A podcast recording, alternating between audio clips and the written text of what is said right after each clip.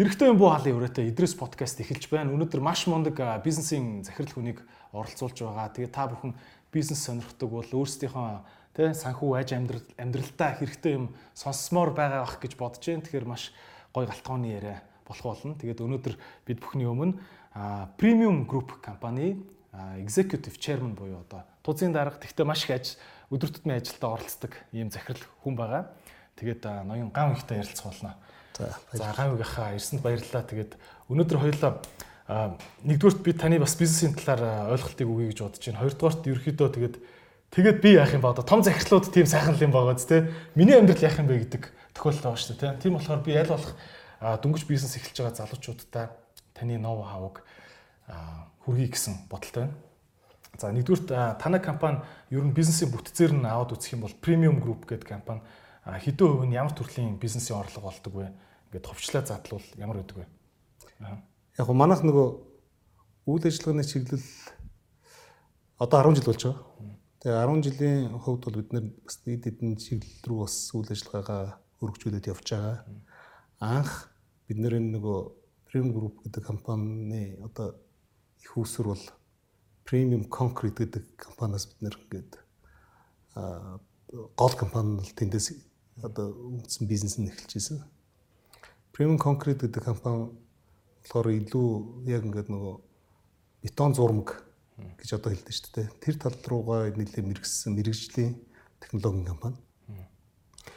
Яагаад энэ бизнесийг бид нэр ингээ хийгээд дараа нь өргөжүүлээд өөр өөр бизнесүүд рүү орсон бэхээр яг уу үндсэндээ бид нэр 2000 одоо 11 онд 10 оны үеэс эхлээд ер нь Монгол улсын хувьд бол нөгөө майнинг бум болсон шүү дээ.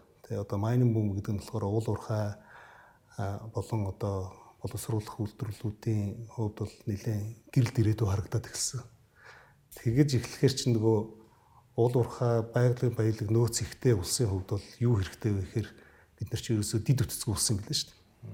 Тэгэхээр дид үтц гэдэг зүйл хөрөнгө оруулалт хийх нь маш чухал. Тэгэхээр дид үтц одоо юу гэдэг хамгийн чухал одоо үндсэн одоо бүрэлдэхүүн хэсэг бол мэдээж бетон зурган дээр үндэслэгдэн тий. Одоо өнөөдөр ингээ харах юм бол хэдүүлээ. Манай одоо компани хувьд бол нэлээд чухал хийцэн бүтээцсэн байгаа зүйлсүүд гэвэл одоо бүх бүх л одоо хэрэгцсэн одоо юу гэдэг салхин станц. Зэрэгт хэрчим хүч тэрний одоо бетон суурнууд. Тэгээд бид нэр Нүбэ буюу одоо шинэ нисэх онгоцны буудал. Одоо Шангрила аа тэгэл гих мэтчлэн ингээд төслүүд төр бид нэр ингээ яг өндөр зэрэглэлийн яг маш одоо хариуцлага өндөртэй тэр төслүүд төр бид ингээд оролцож явсаар хагаад тэгээд сүүлд бол бид нэр одоо оюутлогоо дээр бид андерграунд болон одоо гадруун бетоныг бол бид нийлүүлж байгаа. А энэ бизнес бол ингээд эхэлсэн. Тэгээ одоо бол бид нэр энэ бизнес стил одоо өргөжтөд явж байна тий. Оюутлахын гүнд орж үтсэн 1300 м-ийн гүнд. Оо тий. Орохоор яа гэм бэлээ те ингээд түнэл ухан гутаа шүршин шүрштэй мэлээ те. Тэр цементийг танах хийсэн гэсэн. Тэр манайх хийж байгаа. Одоо хийгээ явж байгаа гэсэн үг. Тэгэхээр ер нь бол энэ нилээн нөгөө юу гэдэг критикл гэж хэлдэг шүү дээ. Чухал ач холбогдолтой. Тим одоо технологийн одоо ур чадварыг шаардсан, хариуцлага шаардсан тийм одоо бутаныг одоо бид нар нийлүүлээ явж байгаа. Shot grid гэж хэлдэг л дээ англиар те. Shot grid бид нар бас underground-д нийлүүлээ явж байгаа. За тэгээд энэнийхэн хажуугаар бид нар одоо мэдээж энэ чинь ганцхан оюутлагаас гадна бид нар Монгол улсын хэмжээнд бол хамгийн анхны 2 сая метр куб бетоныг одоо бид нар Монголд нийлүүлсэн тийм компани болцсон явж байгаа. Одоо дараагийн бетон компани яг сая метр куб руу хүрсэн үгүй юу гэдэг бид нар мэдэхгүй байна шүү дээ. Ямар ч байсан манайх бол одоо энэ жил 2 сая метр куб бетоныг бид нэр нийлүүлсэн. Тэгэхээр 2 сая метр куб бетон гэдэг чинь өөрөө ер нь бол маш том барилгажилт, маш том дэд үтцийг л ер нь энийг бол илэрхийлээд байгаа. Цэцэрлэг барих гэдээ ярьдэн шүү дээ. Хэцүү шүү дээ. Тэр чинь цэцэрлэг энэ төр гэж ярих юм бол хэвээ асар том тоо яригдана л да. Тий. А ерөн зүгээр одоо юу гэдэг энгийн жишээ аваад үзэх юм бол нэг 260 250 60 мянган метр куб бетон нор одоо шинэ хэсэг хонсны буудлын runway хийсэн. Тэгэхээр эн чинь одоо хэд дахин бол чинь 8 бол чинь тийм үү? 8 тийм хэсэг хонсны буудал хийсэн л гэсэн үг шүү дээ. Ер нь бол тэ. Тэгэхээр их том Монгол улсынхаа хувьд бол их томоохон хэмжээний бүтээн байгуулалтад бид нэр ингээд оролцоод амжилттай явсан явж байгаа тим компани байгаа. За хоёрдугаарт бол бид нэр яг ингээд энэ чиглэлээрээ бас premium building materials гэдэг одоо яг ингээд бетон барилгын материалын чиглэлээр бид нэр компанитай а манай компани одоо бас хувьцаа эзэмшигч бол MAC цемент компани байгаа. Бид нэр тэгээд MAC цемент компанитайгаа хамтраад одоо ингээд бас бусад оюутлогоос бусад төслүүд дээр нэлээд сэдвтэй оролцоод ингээд явж байгаа. Оюутлогоо ч гэсэн MAC одоо MAC-ийн цементийг бид нэр ашигтай явж байгаа. За ингээд өөр одоо бид нэр ингээд судлаад үцхэд яаж юм гэхээр ер нь ингээд нөгөө хөрөнгө оруулалтын портфолио бид нэр хараад харах хэрэгтэй. Тэгээд за бүтээн байгуулалт явд юм байж өсөлт маш их бий болох юм байна. За тэгвэл одоо хүмүүсүүдийн хувьд бол одоо бид нэр дараагийн чухал зүйл биднэрт юу дутагдаад байна гэдгийг л төрүүлж харж бид нар хөрөнгө оруулалтынхаа одоо шийдвэрийг гаргадаг. Тэгэхээр одоо энэ convenience store буюу одоо одоо энэ нэг яг ингээд хэлэхэд бол хүний цаг одоо болон одоо цагийг хэмнэсэн гэсэн үг л дээ ер нь цагийг хэмнэсэн үйлчлэгийг бид нар нэвтрүүлэх хэрэгтэй байна. Тэгээ энэ санаа хизээ гарсан гэхээр 2001 онд баха би нэг Японд явж байгаад тэгээд нэг Токио, Шинжикуд нэг будалд буугаад анх удаа хэлэндээс гарч үзээд Япон Токио орж үзсэн. Тэгэхэд тэнд 20 жилийн өмнө тий 20 жил болчихлоо шүү дээ. Тэр үед ингээд манай зочдлын доор AMPM гэдэг яг ингээд би тэр тэр тухайн үед бол convenience store гэж мэдэхгүй шүү дээ. Жижигхэн ийм талбайтай тийм үйлчлэгээний төв байсан. За тэгээд тийшээ ингээ буугаад ирэхэд өглөө 7 цагийн үед гараад нөгөө тэр чинь нөгөө Asia Productivity Organization-ы зохион байгуулсан тэр сургуультанд сууж байгаа. Тэгээд тийшээ явахын тулд автобусанд суухын тулд тийшээ ингээ өглөө 7 цагийн үед харахад л Япон залуучууд тэнд ингээл кофе ууцсан. Тэгэл хөнгөн хөнгөн снэк бариад идцгээсэн ингээл амар vibrant юм бужигнсан. Тэгээ би бодож ирсэн энэ яагаад ийм гоё те өглөө тэр өглөө эрт байхад чинь асуудал үг ингээ ямар сон юм ямар гоё тийм үйлчлэгээтэй тэгээ залуучуудыг ингээ бий болгоод авчираад ингээ тэнд ёстой жинхэнэ бүжгнүүлж байна. Тэгээ би харчаад нэг тийм сэтгэл төрчөөд их гоё юм байна да гэчээд дараа нь нөгөө зочдлуудынх нөгөө талаар алхаад ороод ирсэхэд яг тэнд 7-11 гэжсэн. Тэр 7-11-ийг бас хараад яг адилхан байгаа байхгүй тий. Тэгэл тэр бол бүр шүн дүнд шүү дээ. Шүн тэгээ бас шоуцсан л байх л та. Одоо 20 жилийн өмнө яа шоуцсан гэдэггүй тий. Тэгээ шоуд бол нэлээ 2 2 2 мөр цаг гэдэг одоо март март тий. 2 цаг маг л болсон баг шүн. Тэгэхэд л ажиллаж лээсэн. Дахиад бужигнаал. Тэгээ тэндээс ямар дүгнэлтэн төрсөн бэхээр яагаад Монголд ийм гоё үйлчлэгээ байж болдгоо юм те. Энд чинь хүний одоо юу гэдэг бизнес гэдэг чинь хизээч заавалчгүй одоо орой тэдэс хаагаад тэдэс нээх хэрэгтэй гэдэг тэ социализм биш шүү дээ тий. Тэгэхээр чинь чи бизнес 24 цаг ажиллаж явах хэрэгтэй. Хүмүүс 24 цаг бизнес явах хэрэгтэй. Дээрээс нь одоо эн чинь гадны гадаад дотоод маш олон хүмүүс ирээл ажиллаад ингээл явж байгаа учраас эн чинь тийм метрополитен ситигийн хувьд бол хамгийн хотын хувьд бол хамгийн чухал зүйл бол ерөөсөө энэ нийгмийн дэд утсан буюу тэр хүмүүсүүдийг ингээд э, одоо цэнгэлж өгч яадаг энержайз болгож өгч байдаг. Тийм үйлчлэг байх хэрэгтэй байна гэж. Тэгээд 20 жилийн өмнө тийм юм бодцсон байж гисэн. Тэгэл 2015 онд бид нэр анхныхаа 10 тэр одоо Монгол одоо яг тэрийг хий гэж бодож байгаа шүү дээ. Тэгээ хийж чадахгүй ингээл завгүй явсаар хагаад мэдээж тэрийг нэлээд удаан олон жил хойш тусан. Тэгээд боломж гаргаад 2015 онд бид нэр Монголын одоо Улаанбаатарт 3 салбар нээж өөрийнхөө Монгол брэндтэй Central Express гэдэг нэртэй бид нар 3 салбараа нээгээд ингээд ажиллаж гисэн. Нэг нь болохоор одоо хамгийн анхных нь UBH гэдэг энэ одоо нэг офис юуны үйлчлэгийг байгуулах барилга байгаа. Тэгээд Central Tower тэгээд тий. Тэгээд нөгөөх нь болохоор энэ урчууд дэвлийн тэнд байгаа. Ингээ 3 салбарууд нээгээ Central Express гэдэг юмар хийж франчайз ус яг өөрсдөө бодоод хийсэн гэсэн үг тийм. Өөрсдөө бодоод хийсэн гэсэн үг. Тэгэл ингээл иймэрхүү салбаруудыг хийгээл одоо ингээд явж байна. Окей. Тэгэхээр ер нь бол танай премиум группийн хамгийн одоо эхэлж боссон том бизнес нь бол цемент, бетоны бизнес. Тий. Тэгээд одоо болохоор конвени гэж яриад байгаа тий. Энэ тав тухтай үйлчлэг тий. CU тий. Ер нь бол CU. Тий. Одоо Central Express чинь CU болоо хувирсан юм уу эсвэл байгаа юу юу хажуугаар нь Central Express гэдэг бол болохоор одоо CU гэдэг Солонгосын сүлжээ компани Монголд одоо франчайзыг хүлээн авах гэж.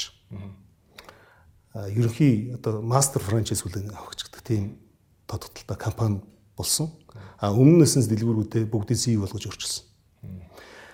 Тэгээд яг уу би яг удаа дараа нь хоёлаа ажиллагаа явуулаад би CEO-ийн талаар хэрүү сонирхолтой өгөөд би илүү олон сонирхолтой зүйлс ярьж өгч болно. Тэгээд би бас хүмүүсийн сонсоогүй юмнуудыг яг жинхэнэ бизнесийн цаатлын бас юмнуудыг асуумаар байна л да. Бас танаа чин зөрөг захирал манай анхны одоо баг ихний 3 подкастын нэгнийхэн зочноор орж ирсэн тийм. Маш гоё юм үйлчлэгээ илүү үйлчлэгээ талаас нь ирсэн л та. Аа за би эхлээд танаас энэ цементний бетоны бизнесийн талаар бас сонирхож асуумаар байна. Одоо яа гэм бэ хүмүүс чинь цементний үйлдвэр гэхээр хаана үдийн те? Монголын одоо яг Монгол газар дээрс гарч байгаа одоо минералаар хийж гинүү те? А ер нь бол ингээд нэг бетон цемент гэж бодохоор нэг юм орц бичгтэй юм шууданууд толгойд буугаад идэв шүү дээ. Нэг гаднаас оруулж ирд юм уу те?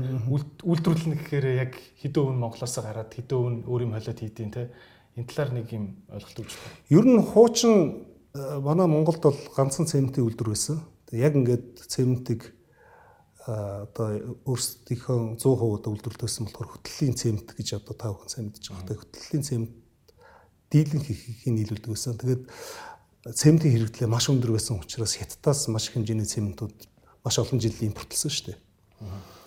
Тэгээд э, сүүлд нь манай одоо бизнес одоо хөрөнгө оруулагч бизнес бизнесүүд одоо энэ боломжийг хараад тэгээд хэд хэдэн цементийн компаниуд шинээр бий болсон. Тэр бол одоо тэр дотроос бол одоо одоо дөрвөн үндсэндээ том үйлдвэрлэгч бол Монголд байж байна. Тий. Тэгэхээр МАК, Хөтөл, одоо Монт цемент, тэгээд одоо нулааны цементийн компани байгаа. Тэгээ эднэр бол Монголдо бол бүрэн үйлдвэрлэж байгаа. Бүгдийг үйлдвэрлэж байгаа. Тэгэхээр гаднаас хараад байхan болсон гэсэн үг. Энэ бол одоо маш том одоо independence буюу бие даасан одоо цементийн хувьд бол хэрэглээгээ өөрсдөө дотоод тусаа хангадаг хэмжээнд ирсэн байгаа гэдэг бол маш том одоо сүүлийн хэдэн жилүүдэд бий болж байгаа маш том өөрчлөлт. Тэгэхээр 100% монголчууд өөрсдөө цементээ одоо Монголынхаа өсч ороноос аваад бий болгоод үйлдвэрлэдэг болсноос хойшоо бол ер нь бол бид нэр тийм одоо импортын асуудлууд дээр бол одоо ингээд асуудалгүй шүү дээ. Одоо ингээд та нар хараа л да ковидос болоод импорт амар хэцүү байна тий. Тийм шүү дээ. Хил дээр тэгэхээр гэтэл чинь өнөөдөр хэрүү бид нар дотооддоо цэм төлөвлөлдөг байсан бол яах вэ? Барилга баригдахгүй тий. Барилга баригдахгүй. Энэ чинь бүүн одоо том асуудал болно шүү дээ тий. Гэх мэтчлэн ингээд нөгөө гадны хараад байсан зүйлүүд нь одоо дотооддоо үйлдвэрлэгдээд эхлэн гэдэг чинь давуу тал бол ердөө л одоо ингээд дүр зург нь одоо ингээд шууд одоо юу гэдэг ачаал бүгд нь шууд харагдчих шүү дээ тийм ээ. Сая одоо чи ингээд нөгөө хил одоо бол гацаатай байгаа шүү дээ тийм. Арматурны үн 3 нугарчлаач үлээ тэгэл яригдчихсэн гэж байгаа тийм. А цементнийх нь гайгүй байгаа юу тийм. Цемент бол ер нь стейбл ер нь доктортой байгаа. Тийм. Тэгэхээр энэ бол аим их чухал. А бидний хувьд бол яг цемент үйлдвэрлэгч бол биш. Бид нэр бол ямар манай компани юу гэхээр цементийг ашиглаад мөн одоо агрегат гэж хэлдэг. Бид нар одоо шулуу дарига холиод тэгээд хамгийн гол нь бид нар бид нар технологийн компани. Бид нар бол маш өндөр технологиор одоо хамгийн хэрэгцээтэй тэр цэм одоо бетон зургийг бид нийлүүлдэг. Тэр дотор shotcrete одоо concrete гэдэг ингээд янз янзын дотроо төрлүүд байгаа. Төрлүүд нь дотроо одоо бат их болон тусгай зориултаас хамаарат янз янзын төрлүүдийн бетон одоо үйлдвэрлэдэг. Тим компани болмоо. Тэгэхээр бидний гол одоо өнөөдөр хүртэл хөгжүүлж ирсэн энэ бизнесийн гол ач холбогдол юу болсон бэ гэхээр Монгол компани өнөөдөр жишээлбэл бид нэр оюутлагын одоо тэр андерграунд дээр болон одоо гадаргуун бетон болон одоо тэр газар доорх 1300 м-ийн доор бетон бетоноор зодож байгаа шүү дээ. Тэрийг маш чанарын өндөр түвшинд бид нэр хийдэг. А гэхдээ хийхээс гадна их хэмжээгээр бид нийлүүлэх хэрэгтэй болон тасралтгүй. Дээрэс нь энд юу хэрэгтэй вэ гэхээр нөгөө компани яг үйл ажиллагааны доктортой төлөвлөлт хэрэгтэй. Зөв одоо үйл ажиллагааг авч явах тийм удирдлагын чадвар хэрэгтэй. Технологийн хувьд бол бид нэр энэ бол одоо хизээч алдаж болохгүй зүйл.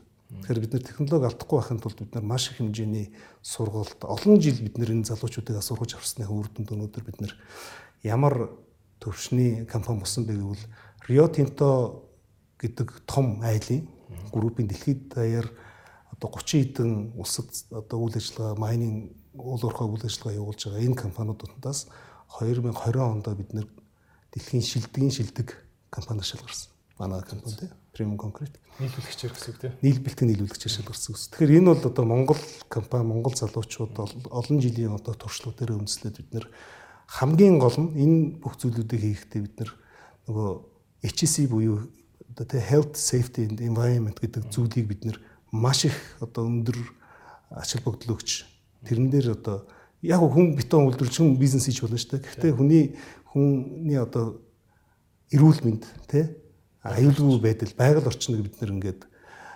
орчин ямар нэгэн тийм хор хөнөөлтөд зүйл хийхгүйгээр ингэж хийнэ гэдэг бол маш том хариуцлагын асуудал. Тэгэхээр энэнийг хангаж ингэж хийж явснараа одоо өнөөдөр нодлон бол бид нэр 20 онд бол одоо тэр том шагналыг бол Рио Тинтогоос бол хүртсэн. А тэр жилдээ мөн бид нэр оюу толгой Монголд оюу толгой хамгийн шилдэг одоо бэлтгэн нийлүүлэгчээр шалгарсан. Тэгэхээр одоо хоёр одоо зүйлийг баярлалаа тий. Хоёр зүйлийг бол бид ингээд нэг дор авснараа манай өнөөдрийн энэ бетон зөрөнгийн бизнесийн хувьд бол ямар ч үсэн том амжилттай явж байгаа л гэж бид нэр ойлгож байгаа. Би нэг оюутлахын күнд ороод харж байхад яг тэр бетон зурмгийг цацж байгааг нь харсан л та. Ер нь бол газар доогуур бүр юм хот шиг их юм өчнөө олон гудамж шиг их ухаад шороогийн дээшээ гаргангуудаа зөрөөд ханыг ингээд бүгдийн нэг ч цай үлдээхгүй цементэр бүрээд дээрэс нь бэхлэгээ зоогоод дээрэс нь тордтаа тий. Бүрөөсөө баг юм газар юм авах гэдэг юм уу буцааж юм хийгээд байгаа юм гэмээр болтол нь яа гэм бэл ч тий.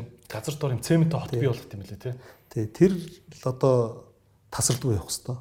Энэ одоо оюут толгой андерграунд өнөөдөр оюут толгойг ингээд ус төрчид бол янз янзын хүмүүс ингээд зарц шүмжлэл ярьдаг л бахал та. Гэхдээ гол бас мэдээлэл бид нэр зөв өгж явахгүй бол бас хэцүү. Яг уу ойдлогоогоос одоо гарч байгаа зэсийн одоо нийт нийлүүлэлт бол яг ингээ гадаргуугаас одоо улбал явж байгаа шүү дээ. Тэр бол одоо тэрнтэй одоо андерграунд одоо яг үйл ажиллагаа эхлээд газрын үний одоо уурхай ашигла ямар байхаа вэхээр одоо яг ингээ үйлдвэрлээд эхлэх юм бол боловсруулаад одоо тэндээс олборлолтоо аваад эхлэх юм бол одоо манай эдийн засаг хэд дахин өсөх тийм боломжтой. Тэгэхээр ийм том хэмжээний одоо бүтээн байгуулалтанд явагдаж байгаа. Тэрэнд одоо бид нар өөрсдөө хөв нэмрээ оруулад тий дараагийн одоо хурдхан шиг одоо бид нэр ингээд тасралтгүй маш сайн үйл ажиллагаа зохион байгуулаад нийлүүлээд энэ хүний уурхай одоо олборлт хурдан одоо эхлэсэ гэдэг тийм одоо зорилгоор бид нар ингээд хамтраад ажиллаж явж байгаа маш их сэтгэл хангалуун байдаг. Тэгэхээр энэ хувьд бол одоо бид нар Монгол хүний хувьд бидний өөрсдийн Монгол улсын байгалийн баялагийг бид нар жинхнээр нь бид нар одоо ашиглаж одоо харин тэрийг л бид нар зөв зарцуулж явчихдаг юм бол үнэхээр Монголын бас ирээдүй бол уул уурхай хид хідэн томоохон одоо ортод зөв ажиллах эхлэхэд л бий болчихно гэдэг тийм одоо би бас бодолтой байдаг. Ийм учраас бас манай группийн ажилчдын залуучуудын бидний хувьд бол одоо том бахархал бол яалтчгүй л одоо энэ олон улсын хэмжээний төсөл төр бид нэг хамтарч ажиллаж байгаа одоо их бахархал гаргалтай байдаг. Тийм ээ. Тэгэд Монгол улсын угаасаа төсвийн тижээж байгаа гол сайны сайлын баг 2 2 3 хүний нэг нэг үстэй тий. Тэглүү байх вэ? Эрдэнэ тоогдлогоо тэ өөр тэгэл бусдууд тэгэл таван толгоо тэгэл ер нь одоо ингээд energy resources одоо таван толгоо тэгээд ер нь ингээд харахаар ерөөсөл бидний хамгийн том тижээж байгаа компаниуд бол ингээд уул уурхайн компаниуд. Тийм учраас Монголын хувьд бол хөгжлийн гарц бол зайлшгүй яг вөхөр хариуцлагатай уул уурхайг бид нэр хөгжүүлэх хэрэгтэй. Хариуцлагатай гэдэг үг их чухал байгаад байгаа. Тэр юу гэсэн үг вэ?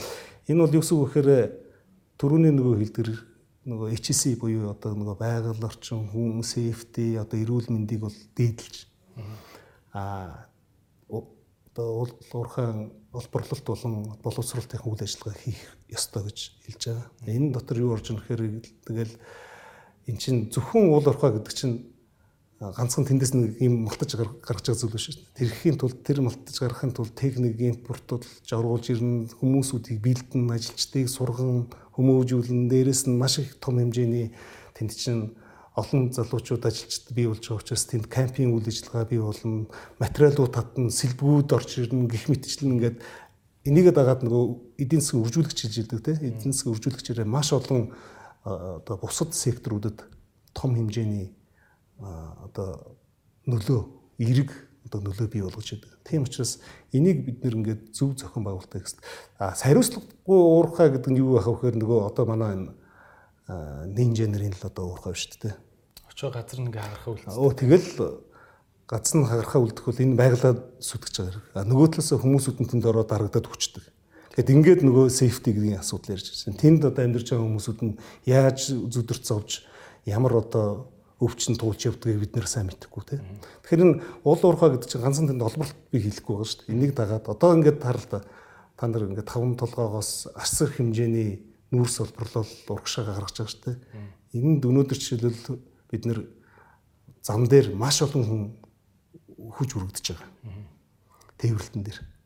Энэ бол амар хариуцлагагүй болчиход байгаа. Тэгэхээр бид нэр энэ нөгөө эхний цэгээс эцсийн цэг хүртэл бүтээгдэхүүн болоод зарагдаад тэр нь одоо доллар болоод валют болоод орж ирэх хүртэлх хугацаанд бүх одоо энэ value chain-ийн буюу одоо энийг одоо би монголоор хэлж чадахгүй байна. Бид нэр цэнийг хэлхээ. Тийм тийм одоо тэгж хэлэх юм тийм энэ value chain-ийн бүрэн бид нэр харж тэрэн дээр хариуцлагатай хандах хэрэгтэй байхгүй.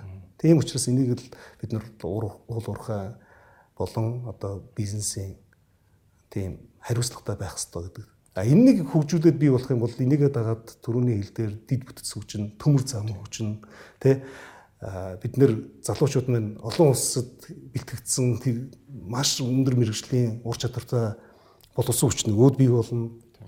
Гэх мэтчлээ энийгээ л одоо бид нэр хөгжил гэж нэг талаас харах хэрэгтэй. Гэхдээ мэдээж ганцхан уул уурхай дээрээс бид нэр бүх Монгол улсын хөгжлийг харахгүй ойлгомжтой. Тэгэхээр энийгээ дагаад бид нэр өөрсдөө нөгөө эдийн засгийн чадвартай болоод ирэхээр янз янзын бизнесүүд рүү бид нэр орж байна. Одоо сүүлийн үед бол стартап гэдэг өстө залуучуудын хувьд бол ингээ ганц толгоон дээр нь одоо гоё нар мандал явж байгаа тий ингээ хүсэл мөрөөдөл нь бий болоод явж байгаа зүйлүүд чинь бүгдээрээ хөгжих хэвээр бий болох хэвээр. Гэхдээ энэний чинь цаана бас эдийн засгийн чадвар байхгүй бол бид нэр хөгжиж чадахгүй. Гэх мэтчлэн ингээл нөгөө өөр хоорондоо холбоотой учраас. Тийм ээ. Би зүгээр сонирхоод тахгүй? Та одоо жишээ нь цемент за энийг ийм юм шиг шүү дээ тий. Цемент үйлдвэрлэгдэнэ. А тэр цементэн дараа нь өөр технологиор зурмаг болно. Тий. А тэгээд тэр зурмаг нь хатгаараа бетон ч юм уу. Бетон ч юм уу тий одоо шоткрит ч юм уу бетон ингээд шүршээд тий ингээд хатуу бит болно. Тий тэгжээж л одоо том хэмжээний дид бүтцийн одоо физикал дид бүтц гэх юм. Одоо бодит дид бүтц чинь тэн дээр бий болж дээ тий. Одоо ингээд утахгүй тэгэл яах вэ хэл та бетон зурмгийн хэрэглээ бол бүр ихсэн л дээ. Яг тэгвэл юу гэдэг цэвэрлэх байгууламж. Тэр бетонгүйгээр хизээс цэвэрлэх байгууламжийг хийж болохгүй тийм үү? Цахилгаан станц, усан станц, төмөр замын дээр гэх мэтчлэн ингээд дид үтцэн том том зүйлүүд бол тэртээ тэргүй бетоноор л одоо үндэс суурь нь хийгдэж идэг учраас. Тийм ээ. Одоо ингээд ярихаар зүгээр би бол ингээд юу бодод байна л да ингээд за хашаандаа ингээд нэг цемент зуураад илс хайрах холж зуурж ингэж хүрцээр зурж байгаад нэг юм юм хийдэг штэ довчоо мовчоо хийдэг штэ тий. Тэгэхээр тэр ингээд тэр зурмгийг бол ингээ айл ингээд нэг шуудаа цэм цэмд авч байгаа хийдэг штэ тий. Тэнд бол нэг технологисод байх юм байхгүй. Түмпүү ус хийлээ холлоо тий. А яг технологи нь хаана үүдээ одоо жишээ нь наадах чинь л технологи. Технологи гэж штэ. Технологисод байгаа байгаа юм байхгүй гэдэг ойлголт л одоо монголчуудын хувьд бол амар юу болчиход байгаа түгээмэл болчиход байгаа. Зүгээр би бол төмпөнд цемент зурж байгаа бодод шүү. Тий, тий. Тэр өөх хашаанд. Тий, яг зөв.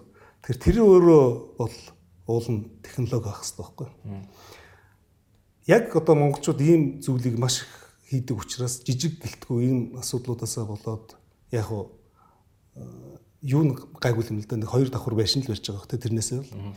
Гэхдээ ер нь технологи гэдэг зүйлийг бид нэр зөв хэрэглээг бий болгохын тулд яах вэ гэхээр одоо яг саяны датаг чинь бид нэр энэ жилээс эхэлж бид нэр үйлдвэрлэж эхэлж. Цемент битгий яваа. Тэр дайраг битгий аваа. Бүгдийг бид нар нэг утан тэгэл за тэдэн литр ус хийн шүү. Тийм бетон тэгээд шууд зураад шууд юу тэгэн хөтл ямар ч одоо зэрэглэлийн одоо хідэн давхар ямар одоо маркийн бетоноор хийх хэвээр тэр бетоныг бид нэр шууд уудлаад ингээд өгчөж байгаа.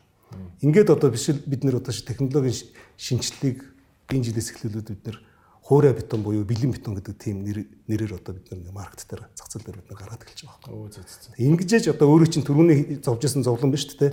Тэндээс нэг цэм тавчраад бургуулаад тэндээс нэг юу авчираад хідэн хувьтай холдсон болоо гэд өөрөө тоо бодож удажсэн. За хамаагүй ингээд нэг үтчихгээл үтчихэж те. Энэ бол ингээд аюултай байхгүй. Хэрвээ өөрөө чинь хувьд бол амар чухал одоо фундамент тэрүүгээр хийсэн бол тэгэл би л танад очихгүй шүү. Тэгэхээр иймэрхүү байдаг учраас ер нь бидний технологи гэдэг зүйл дээр нөгөө хандж байгаа хандлагууд бол дандаа нөгөө монголчсан хар аргаар юм хийн гэдэг болчтой штэ гэдэг тэр зүйлээс бид нэр болж маш хэмжээний алдаа бий болсод ирдэг. Алдаанаас гадна энэ хандлага нь өөрөө явсаар хагаад нөгөө бидний хөгжлийг хойшоо татдаг. Тийм тий. Тэгэхээр одоо яг тэр үед би бас зөндөл олон хүмүүсүүдээс ингээд хэлжсэн машиныг ингээд аргачлдаг. Тийм. Өө тэгэл аргачлсан шүү дээ. Гэл явдаг. Тэгэл яг үүндээ аргалсан машин явж байгаа Nintendo ослыг л явчихдаг. Өнөөдөр жишээлбэл ингээд буруу үрэлтэй машины асуудлууд байна. Тэгэхээр эдгээр чинь бүгд ингээд аргалаад болоод байгаа байхгүй. А гэтэл чин олон улсад стандарт гэдэг зүйл цаан чинь байж шүү дээ. Стандартаараа одоо юу гэдэг зам дээр буруу үрэлтэй машин явуулнаад чинь өөрөө асар хэмжээний одоо эрсдэл дагуулж байгаа учраас байж болохгүй зүйл байхгүй. Гэтэл чинь өнөөдөр оо ингээ болчихж байгаа юм чинь хүмүүсийн яагаад шимдрэл тохируулаад одоо энэ одоо Япон машиныг оруулж ирэхээс өөр аргагүй гэдэг тэр бодлого баримталж явснаас болоод бас маш олон хүмүүс тэндээс болоод тохирсон байгаа. Хольсон хүмүүс их байгаа гэж ойлгож байгаа боловч яг үнэндээ урт хугацаанд аваад утсан надад ч өөрөө хөгжлөө хойшоо татдаг байхгүй. Яг энэ шиг саяны бетоны асуудал байна. Яг ингээд болж ийн гэл байдаг. Танд зөндөл болоо юм дээр харж илсэн шүү дээ. Нурцсан байшин нурцсан. Хагарцсан. Хагарцсан. Цуурлагдсан. Гэл ингээд эн чинь өөрөө технологи барихгүй байгаас л болж байгаа асуудал.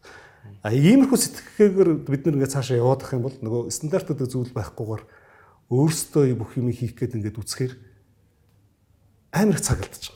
Бид нэр сураад байгаа байхгүй. Аа тийм байна. Одоо тун утахгүй би энэ засаг төрөөс эхлүүлээл ингээд тэдэн оноос буруу үрэлтэй машиныг оруулж ирэхийг болно ч гэдэг юм нэг тиймэрхүү бодлогод хийгдэх болов уу гэж найдаж байгаа. Гэхдээ энэ бол бид нэр амар юу гэдэг хохирлтой хохирол туулж иж биднээс сууж байгаа байхгүй тий. А хэрвээ анханасаа бид нэр стандартын төлөө яваад стандартаа хэрэгжүүлээд явсныхаа дараагаар бид нэр одоо дараагийн буюу стандарт гэдэг чинь хамгийн түрүүнд ямар эрсдлийг бий болгож арилгаж чинь тэгэхээр тэр нөгөө одоо сейфти буюу аюулгүй байдлыг хангуулж шүү дээ. Ингээд эхлэхээр л дараа нь аа стандарт нэм юм чинь тэр эрсдлээ холдуулчих жоох Алста тий. Алста. Тэгэхээр бидний нөгөө хүмүүнлэг хүнийг одоо дэдэлсэн нийгэм байна гэж үзэж байгаа бол хамгийн жижигхэн зүйлээс эхлэх хэрэгтэй. Цемент зурхаас нөгөө бетон зурхаас эхлэх хэрэгтэй. Энэ чинь өөрөө стандартын дагуу зурагдах үгүй үгүй гэдгээс л эхлэх болчихж байгаа юм. Тийм ээ тий. Тэгээ тэгжээч нөгөө хүн хариуцлагатай би гэр бүлийнхэн дээр одоо юу гэдэг эмээ өвөөдөө би хариуцлагатай байж шүү дээ. Гэт эхлэх хэрэгтэй болчих чинь. Ийм учраас яг хуу нөгөө бидний ханддаг хандлага маань 90-ад оны үед бол Тэрний өмнө бол би сайн мэдгүй шүү дээ. Угаасаа хүүхдүүсэн. Тэгээ 90-ад оноос хойшоо бол э, тэр нарийн одоо энэ тогон дотор чанагдал ингээл явлаа шүү дээ. Тэгэхээр энэ нарийн зүйлсүүдийг бид нэг анзаардгүй. Ер нь болж ивэл болчихно дөө. Гэт ингэдэг тийм сэтгүүгээр явсаар хагаад өнөөдөр ирчихээр энэ нь цаашаа үргэлжлэж явах юм бол хортой. А тухайн үед бол одоо энэ нөгөө survival instinct буюу одоо анд үлдэх тэ тэр одоо хүний зүв мэдрэмжээрээ бид нар юмнууд хийгээд ирсэн бол одоо бол тэр цаг нь биш болсон байхгүй. Тийм учраас энэ бүх хийж байгаа зүйлүүд дээр бид нэр ингээд стандарт олон улсын зэрэглэл олон улсын стандарт гэдэг чинь үсэг л олон улсад жигд хамгийн одоо минимум хэмжээнд тэр одоо зүйлийг мөрдчихэд л ядаж хүн хордохгүй юм шүү дээ.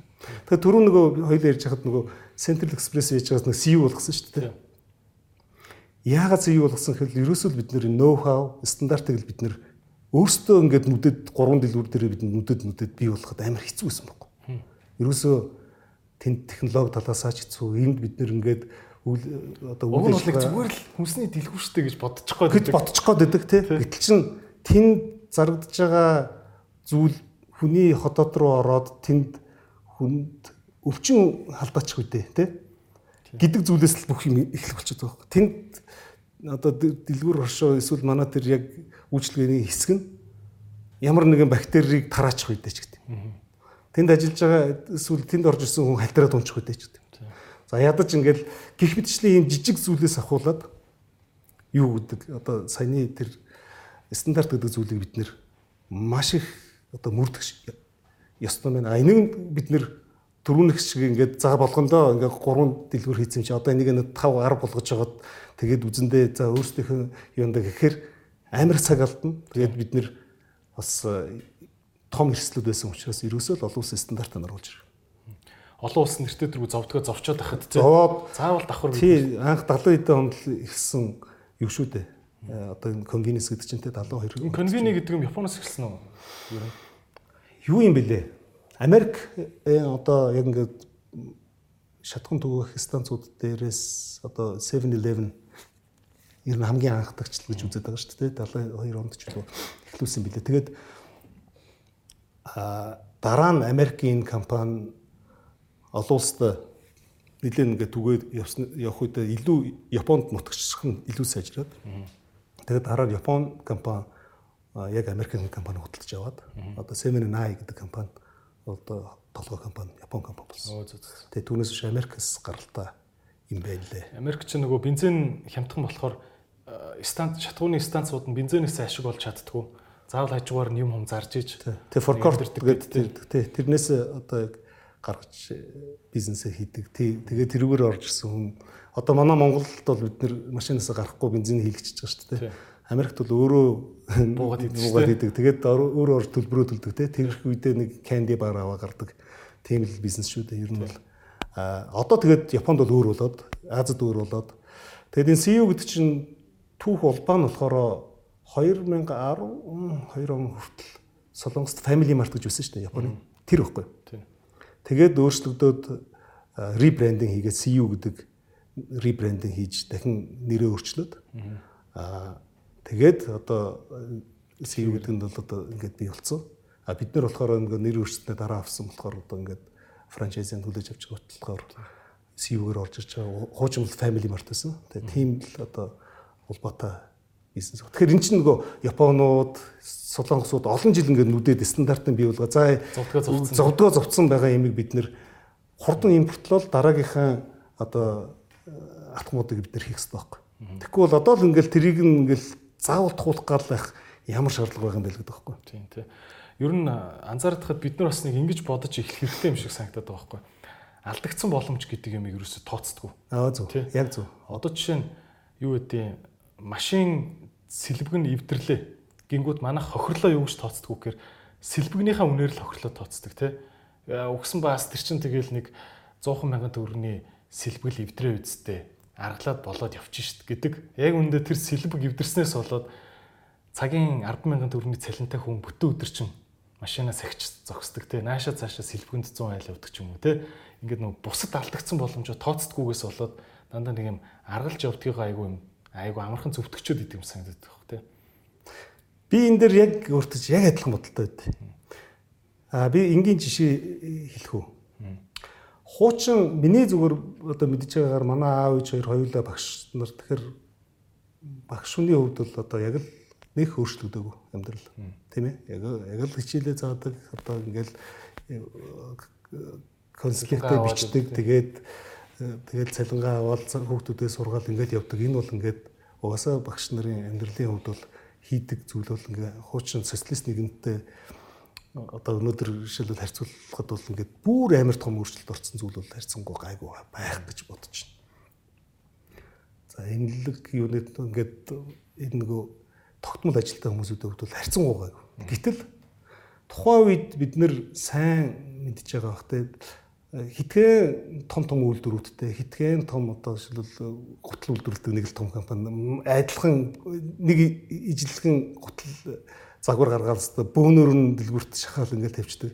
Тэр нь одоо илүү их зарагдах тооноос илүү хүлдэрлэгдсэн байна. Юу гэсэн гэдэг зүйлүүд дээр анхаарал тавьж байгаа байдал нь харьцангуй бага болохоор тийм зах зээл гэдэг ойлголт байхгүй учраас ямар хүмүүсүүдийн нийгмийн харилцаа байсан бэ гэхээр ерөөсөө ийм л юм хийдэг ингэх ёстой гэдэг.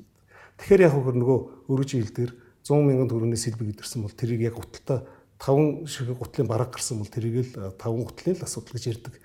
Тийм сэтгүүд байсан. А гэтэл чи ингээд нөгөө одоо хүмүүсүүдийн юу гэдэг мэдлэг сайжраад ялангуяа эдийн засгийн мэдлэг нь сайжраад ирэх юм бол а тэр яаж эдийн засгийн мэдлэг сайжруулах хүн өөрөө бизнес хийгээд үцхээр тэртээ тэргүй бизнес хийж эцсийн дүн одоо ашиг болж гинүү үү?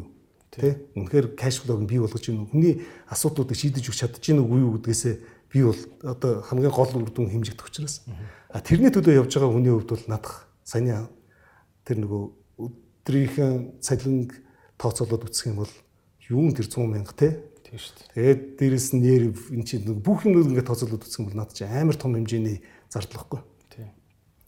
Тэр ийм зүйлийг нөгөө нэг ганцхан материал дээр биш үүдтэй юм аа. Эн чинь ингээд төрүүний нөгөө уул уурхатай адилхан ганцхан уул уурхай биш эн чинь дид бүтц одоо тэр зам харгуй одоо цаглагаан станц мстан ингээ бүх л зүйлүүд энэтэй ингээд уйлдж ирж нэг цогц одоо бизнес уул уурхайн бизнес бий болж байгаатай адилхан. Аа одоо өнөөдөр жишээлбэл эдийн засгийн мэдлэг нь сайжирэх гэх юм бол тэгээ сайжрахтаа илүү олон бизнес хийгээд ингээд хүмүүс нүдүүлээд ирэх юм бол саяны зүйлийг ойлгож эхлэх байхгүй. Хүн гомдох нь шүү. Уучлаарай би ганцхан 100 мянгаар байгаа шүү. Энд чинь би амар том боломжуудаа алдчихлаа шүү гэдэг ийм зүйлээд хохироод ойлгоод ирэхээр юм өөрчлөгдөнө. А энэ зүйл яг одоо шилбэл ойлгоод ирэх юм бол хүмүүс эрүүл мэнд гэдэг зүйл рүү анхаарат эхэлнэ. А хүмүүс даатгал гэдэг зүйл рүү хүмүүс нэлийн одоо ач холбогдлын нөгөөд эхэлнэ. Гэх мэтчлэн ингээд нөгөө бизнесийг interruption, business interruption risk гэж хэлдэг энийг. Тэгээ өөрөөр бизнесийн тасалдлын эрсдлийг хүмүүс өөрсдөө бодоод эхэлж байгаа байхгүй. За эн чинь ковид чи одоо яаж бид миний бизнесийг тасалдуулах вэ? За эндээс бид нэр өөр одоо сүрч ямар арга хэмжээ авах хэрэгтэй вэ? Юу төлөвлөх хэрэгтэй вэ гэдэг нөгөө бизнес interruption risk-ийг бид нэр төрүүлээ бодож эхлэх хэрэгтэй болж байна. Гэх мэтчлээ одоо ингээл хүн сурна да. Тийм ээ. Тэ. Наач нэр айгүй бас чухал ойлголт юм билээ бизнес хийхэд бас сайхан бас бодод эхэлсэн бохгүй ингэж ингэж байгаа юм л та том цөм авдаг бизнесүүд гэж байдаг. Аа байнгын жижигэн жижигнэр доктортой олдог бизнес гэж байдаг. Тэгэхээр ер нь манай Монголын бас том групп компаниуд ихэвчлэн энэ хоёрыг ингэж хослуулж боломж нь олдвол 10 жилдээ нэг маш их ашиг олдог том бизнес явж идэг. Гэхдээ өдөр болгон ингээд ашиг доктортой олдог бизнесийг хослуулдаг энэ төр гээд ийм тактиктэй байдаг юм билээ л дээ урт хугацааны. Тэ танах бас ийм тэр тэр утгаараа бас энэ конвени бизнес рүү орсон уу? Эсвэл үнэхээр яг яг нэг төрөв төрөний хэлцээ яг та нөгөө 20 жилийн өмнө Японд харсан тэр сэтлэрээ байсан уу те? Санхүүгийн хувьд ямар хөө бодлоготой байдаг вэ танах? Сэтэл нь аль аль нь ч биш. Ер нь бол ийм. Ер нь ингээд 2010 оны үед за 10 11 он 12 он нэг үед бол би нэлээд их цагаач гсэн сүлд нь бас Хонконг одоо нөгөө Mongolian Mining Corporation IPO хийсэн тэр үеэс ахвал ер нь Хонконг, Сингапур одоо энэ Азийн орнууд дээр нэлээд цаг зарцуулаад явж байсан. Тэгэхэд улам нөгөө ойлголтод сайжирсан байхгүй. Энэ яагаад ер нь ингээд бизнесүүд өөрсдөө ингээд доктортой үйл ажиллагаа явуулаад ингээхийн тулд төрөний хэлдгэр ингээд цаг наргуу юмуд ч ажиллаж юмраа шүү дээ. Тэгээ тийм боломж нэгдүгürt бий болгоод өгчих юм бол энэ нэгдүгürt их том дэмжлэг болох юм байна. Одоо би бол энэ ковидоос болоод цагны цагийг хайчиж байгаа болохоос биш ер нь э, энгийн нөхцөлд бол тэгэл 24 цаг ажиллаж байгаа шүү дээ. Хин ч өглөө онгоцонд суух үедээ эсвэл хөдөө э, хол гарах үедээ кофегаа аваад суугаад явна гэдэг бол маш чухал байхгүй. Өглөөнийхэн цай гурамдыг уугаад явна гэдэг бол маш чухал. Ийм боломжийг бид нэр хангаж өгөх шаардлагатай юм байна. За энэ бол хизээж буурахгүй тийм эрэлт юм байна. Улам өсөн нэмэгдэх юм байна. Тэгэхээр хүмүүс сүулдэ нэгэнт одоо 24 цагаар ажилладаг юм чинь заавалчгүй одоо тий би өнөөдөр 10 э, цагаас дэлгүүр хаахыг хүлээгээд шаардлага байхгүй би ажиллаа хийгээл суус сууж байгаа би 11 12 гээд би гараал хөнгөн шиг зуус шидэл энержайс хийгээл гэрлүүгээ алхачихад бол болчлоо байхгүй. Тийм боломжуудыг бүрдүүлж өгсөн байна гэдэг тэр ойлголт бол улам төрсөн байхгүй. Шинэ амьдралын хэмнэлийг олж харж байна шүү дээ. Амьдрал энэ бол амар урт хугацааны хөрөнгө оруулалт. Одоо урт хугацааны одоо одоо хүний амьдралын хувьд салшгүй хэсэг болно. Тэгэхээр тэр зүйлийг нэгдүгээрт өөрчлөх хэрэгтэй байна гэдэг зүйлээс. А тэгэхээр бизнес яагаад бизнес хөрөнгө оруулалт хийдэг вэ гэхээр мэдээж өөрөө чийлдэхэр ингээд цог ашиг хийчихэр юм руу хийвэл сайхан л байна л да. Тэр бол тэр бол хүнд хүнд болдохгүй тий. А байнга доктортой үйл ажиллагаа гэдэг зүйлийг чинь би саяныхаар бас илүү илэрхийлж хийж болох байх. Гэхдээ арай импакт буюу нөгөө ач холбогдол нь арай өөр тий. Нөгөө байнгын ач холбогдолтой тийж кэштэй болмоор шүү дээ. Тэр бол окей. Гэхдээ илүү том импакт нь цаана нөгөө хүний хэрэгцээг бид нэр өөрчилж өгч байгаа юм. Тэгэхээр одоо энэ зүйл байд ийм зүйл байд юм л да. Хүн одоо шилбэл би дээр үед тэр юг хүнээс сонсч ирсэн. Dragon Air сая нөгөө ковидос болоод дампуурчлаа. А гэхдээ яг файлыг хийсэн үгүй bankruptcy файл хийсэн үсээ мэдэхгүй. Гэхдээ Дампуурж гэсэн тийм юу явж исэн. Cathay Pacific охин компани. Тэгээд Dragon Air болохоор Шанхай, Хонконг хоёрын хооронд нислэгийг цаг болгон хийсэн байна. Цаг болгон Шанхай одоо Хонконг хоёрын хооронд нислэг автобус шиг. Тэгэхэд бус компаниуд гайхчихсан. Бусад компаниуд болохоор ингэ харж байгаа нэг 7 за өдөр болгон нисчилсэн л ах л да. Гэтэл чи яг ингэ автобус шиг ингэ болгочхоор эхний ээлжинд амар алдагдaltaй ажилласан. Dragon-ээр. А дараа нь хүмүүс өө эн чин угаасаа л цаг болгон энд нисдэг юм чинь өөр эйрлайныг сонгох шалтгаан байхгүй юм. Би ингээ хуралд сууж яснаа хоцорчвол би дараагийн нислэг нь бэлэн байж байгаа юм чинь гэдэг сэтгхүү автоматар нөгөө хүний толгонд төрөөд ирэхээр өөрийнхөө амьдралынхаа лайфстайл эсвэл бизнесийн цаг хугацааг тэрэнд зориулаад өөрчлөлт эхэлж. Тэгэхээр нөгөө хүмүүс илүү Хонконг Шанхайгийн хооронд бизнес хийдэг бизнесүүд улам ихсээд а тэнд байдаг хүмүүсүүд нь өөр эйрлайныг сонгох нь улам багасаад угаасаа л энэ конвениенсийг бий болгочихж байгаа байхгүй. Тэгэхээр тэр конвениенсийг бий болгочихор нөгөө хүн чинь тэрэн зориулаад зүйлүүд нь өөрчлөгдөж эхэлж байна. Бизнесийн хуваарь нь өөрчлөгдөж эхэлж байна, тэ? Одоо хаана хөрөнгө оруулалт байршлаа бий болох уу гэдэг нь өөрчлөгдөж эхэлж байна. Тэр хоёр газар төвлөрөх одоо төвлөрлөн ч бий болоод эхэлж байна, тэ? Яг энэ энэ зүйл бол маш олон зүйл дээр ажиглагддаг. Энэ бол convenience store дээр бас ашиглагддаг. Яг л одоо convenience өөрөө чинь хажууханд бий болоод ирэхээр би за за би заавал ч өглөө би гэртээ хам хам өндөг шараад итгүү эндээс гялс сандвич кофе даа авчихуу. За тэргээс тэнд байж идэг юм чинь гэд ирэхээр хүн нөөцлөлтөнд өөрчлөгдөд эхэлж байгаа байхгүй. Дөнгөж сая би бас тантай ярилцахын өмнө киноны зураг авалтаас ирж байгаа байхгүй тий. Аа за. Тийм тэгэхэд бас яг яг тиймэрхүү сэтгэлгээ бас ингээ анзаарч байгаа байхгүй. Жишээ нь киноны нөгөө юун дээр манай ус ирэх байсан байхгүй. Тэгсэн чинь усаа яасан гэсэн чинь усаа жоохон 50 байж байгаа авчруулчих гэсэн. Яралтай юмн дээр доошоо гүгээд сивгээс авчна гэдэг ч аахгүй. Тэгээ тэнгууд тийшээ ингэж хол байсан усыг нөө маах нөө зураг авалтынхаа байршлыг өөрчилсөн байхгүй. Цагийн тулгаад. Тэгээ тэнгууд тэндээс хүнд юм юм зөөж явахын оронд газ эндээ аргалчий гэдэг юм одоо хоёрдугаар хувилбар нь бэлэн байж байгаа. За тэгвэл би нөгөө наадхын чинь нөгөө талаас нь би бизнесийн талаас нь тайлбарлаа те. Энийг бол энэ бол хэрэглээ шүү дээ те. Би дөрөв тэр Dragon Air ч тэр одоо CU-ч тэр хэрэглээ буюу лайфстайл талаас нь харахад бол ийм одоо зүйлийг бий болгож шүү дээ. А тэгэхээр ер нь энэ тохиолдолд одоо ганцхан convenience дэлгүрдч биш ганцхан airline-ч биш те. Ер нь энэ тохиолдолд хүмүүс амьдралынхаа лайфстайлыг өөрчлөөд ингээд өөрийнхөө одоо сэтгхүүнс одоо далд ухамсар нь автоматар за тэнд байдаг юм чинь гэдэг тийм сэтгхүү төрөөд эхэлж штэ. Энийг л бид нэр алдахгүй бизнесменийхэн бизнес одоо хийж байгаа хүмүүс барих хэрэгтэй байхгүй. Энийг л алдахгүй. А гэтэл чинь өөрөө автоматар тэнд ус байдаг юм чинь гэсэн чинь CU-д нь ус байхгүй бол яах вэ? Тийм ээ. Яг авдаг байсан ус байх байхгүй байвал яах вэ? Тэгвэл угаас байдгүй юм чинь. Тэг угаас байдгүй юм шиг гэдэг тийм юм төрөөд эхэлнэ шүү дээ. Тэгэхээр нөгөө дэлгүүрч орхон болоод эхэлнэ шүү дээ. Тийм үү? А тэгэхээр яах вэ гэхээр цаана нь энэний чинь цаана амар том одоо бизнесийн тим ухтхан явж байгаа байхгүй.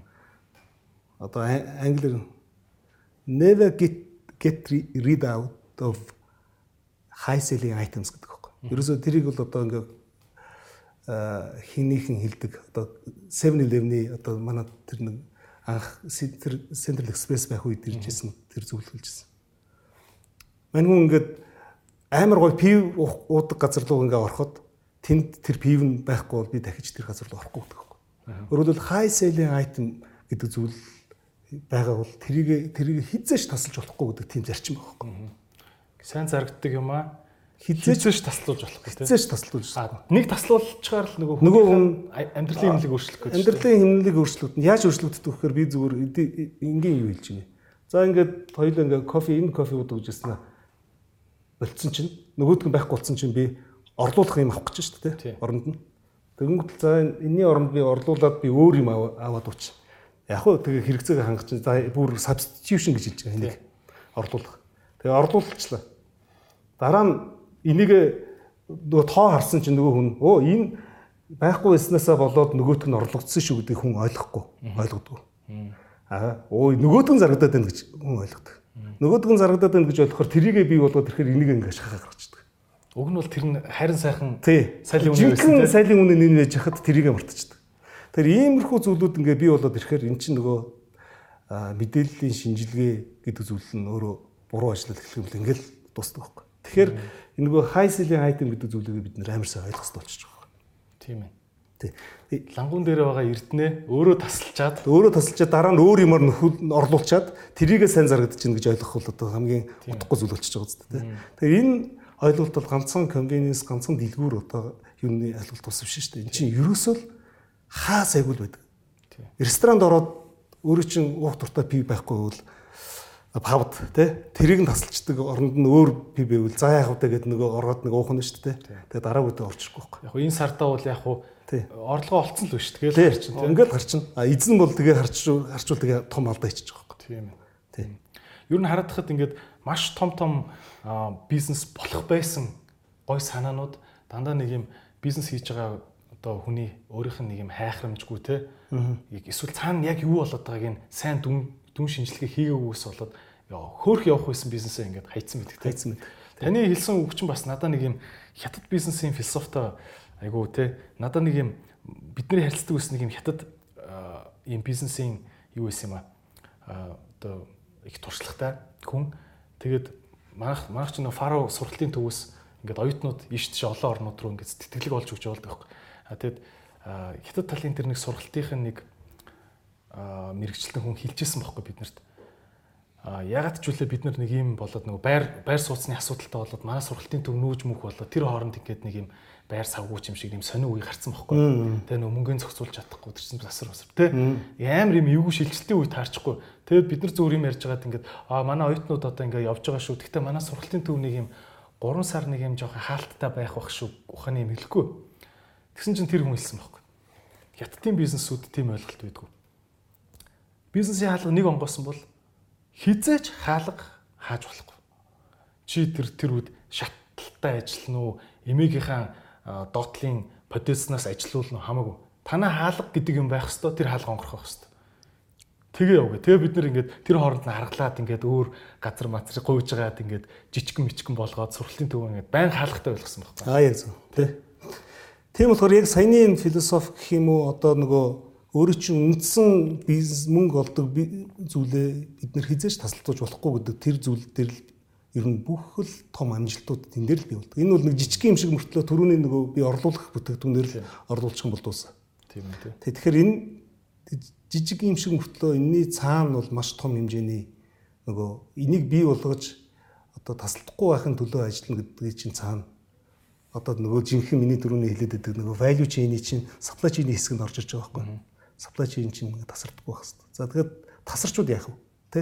Тий тэр эрсдлүүдийг бид нэр бодож эхэлнэ тий. Гэт ингээд явхаар нөгөө distribution төв төгөөлтийн төв хоол нээ үйлдвэрлэл ингээд чухал зүйлүүдийн хөрөнгө оруулалтууд ингээд эхэлж. Тэрнийгээд байгаа хэд хэдэн тэрбум олон тэрбумын хөрөнгө оруулалтууд яг зөвхөн энэний чинь төлөө хийгдэж эхэлж байгаа шин. Гол зорилго. Хэрэглэгчдийгээ алдагталтаа чамаагүй гүрийгээд гүрийгээд ингээд амьдралын хөвшлийн тогттол тогттол нь явах. Таних танарихтаа ингээд нийлтэл тий нийлтэл нь явах хэрэгтэй. Явах хэрэгтэй тий. Тэгвэл одоо ингээд бид нар бол харахтаа сэвг бол одоо зүгд чинь ингээд хараад хаа нэг уух юм зардаг ингээд за кофе халаацсан микропечэнд халаагаад ингээд жижиг хоол өгдөг нэг юм хүмүүсийн төлөвлөл юм шүү гэж харж байгаа шүү дээ. Тэгээ та бол одоо ингээд нэг маш том бизнесийн аюу тум тулгуур философийг хэлж шүү дээ. А тэгвэл бас нэг өөр ингээд анзаардаг юмнууд байдаг шүү дээ. Одоо жишээ нь хараад хаад юм хэдэн мянган бараа бүтээгдэхүүний баазтач үлээ тий. Ийм жижиглэнгийн жижиг мөнгөн дээр айгүйх бас явдаг бизнес юм шиг те. А тэнд бас өөр бидний олж хартгүй тийм нууц те философи гэх юм уу те юмнууд байгаад байна уу? Өөр та ухвал ямар цаана юм философи яваад байна?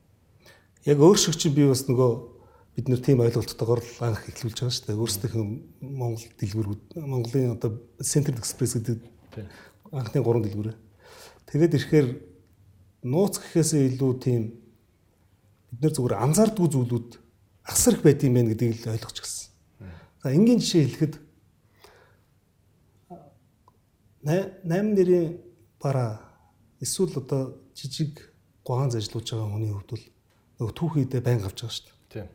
Түүхийдээ авчирч өгж байгаа хүн өдөрт за өндөг, сүү, талах, мах гэл ингээл тус тустай ирнэ шүү дээ. Тийм. Тийм биз? Гурил, ногоо Тэгэл ингээл тус тустай юм. Эсвэл нэг тэр айлаас нэг нөхөр нь юугаа унж авал микро автобус өнгө авал гарна шүү дээ. Бүүний төв орно тий. Бүүний төв орно тэн дотор хийн тий.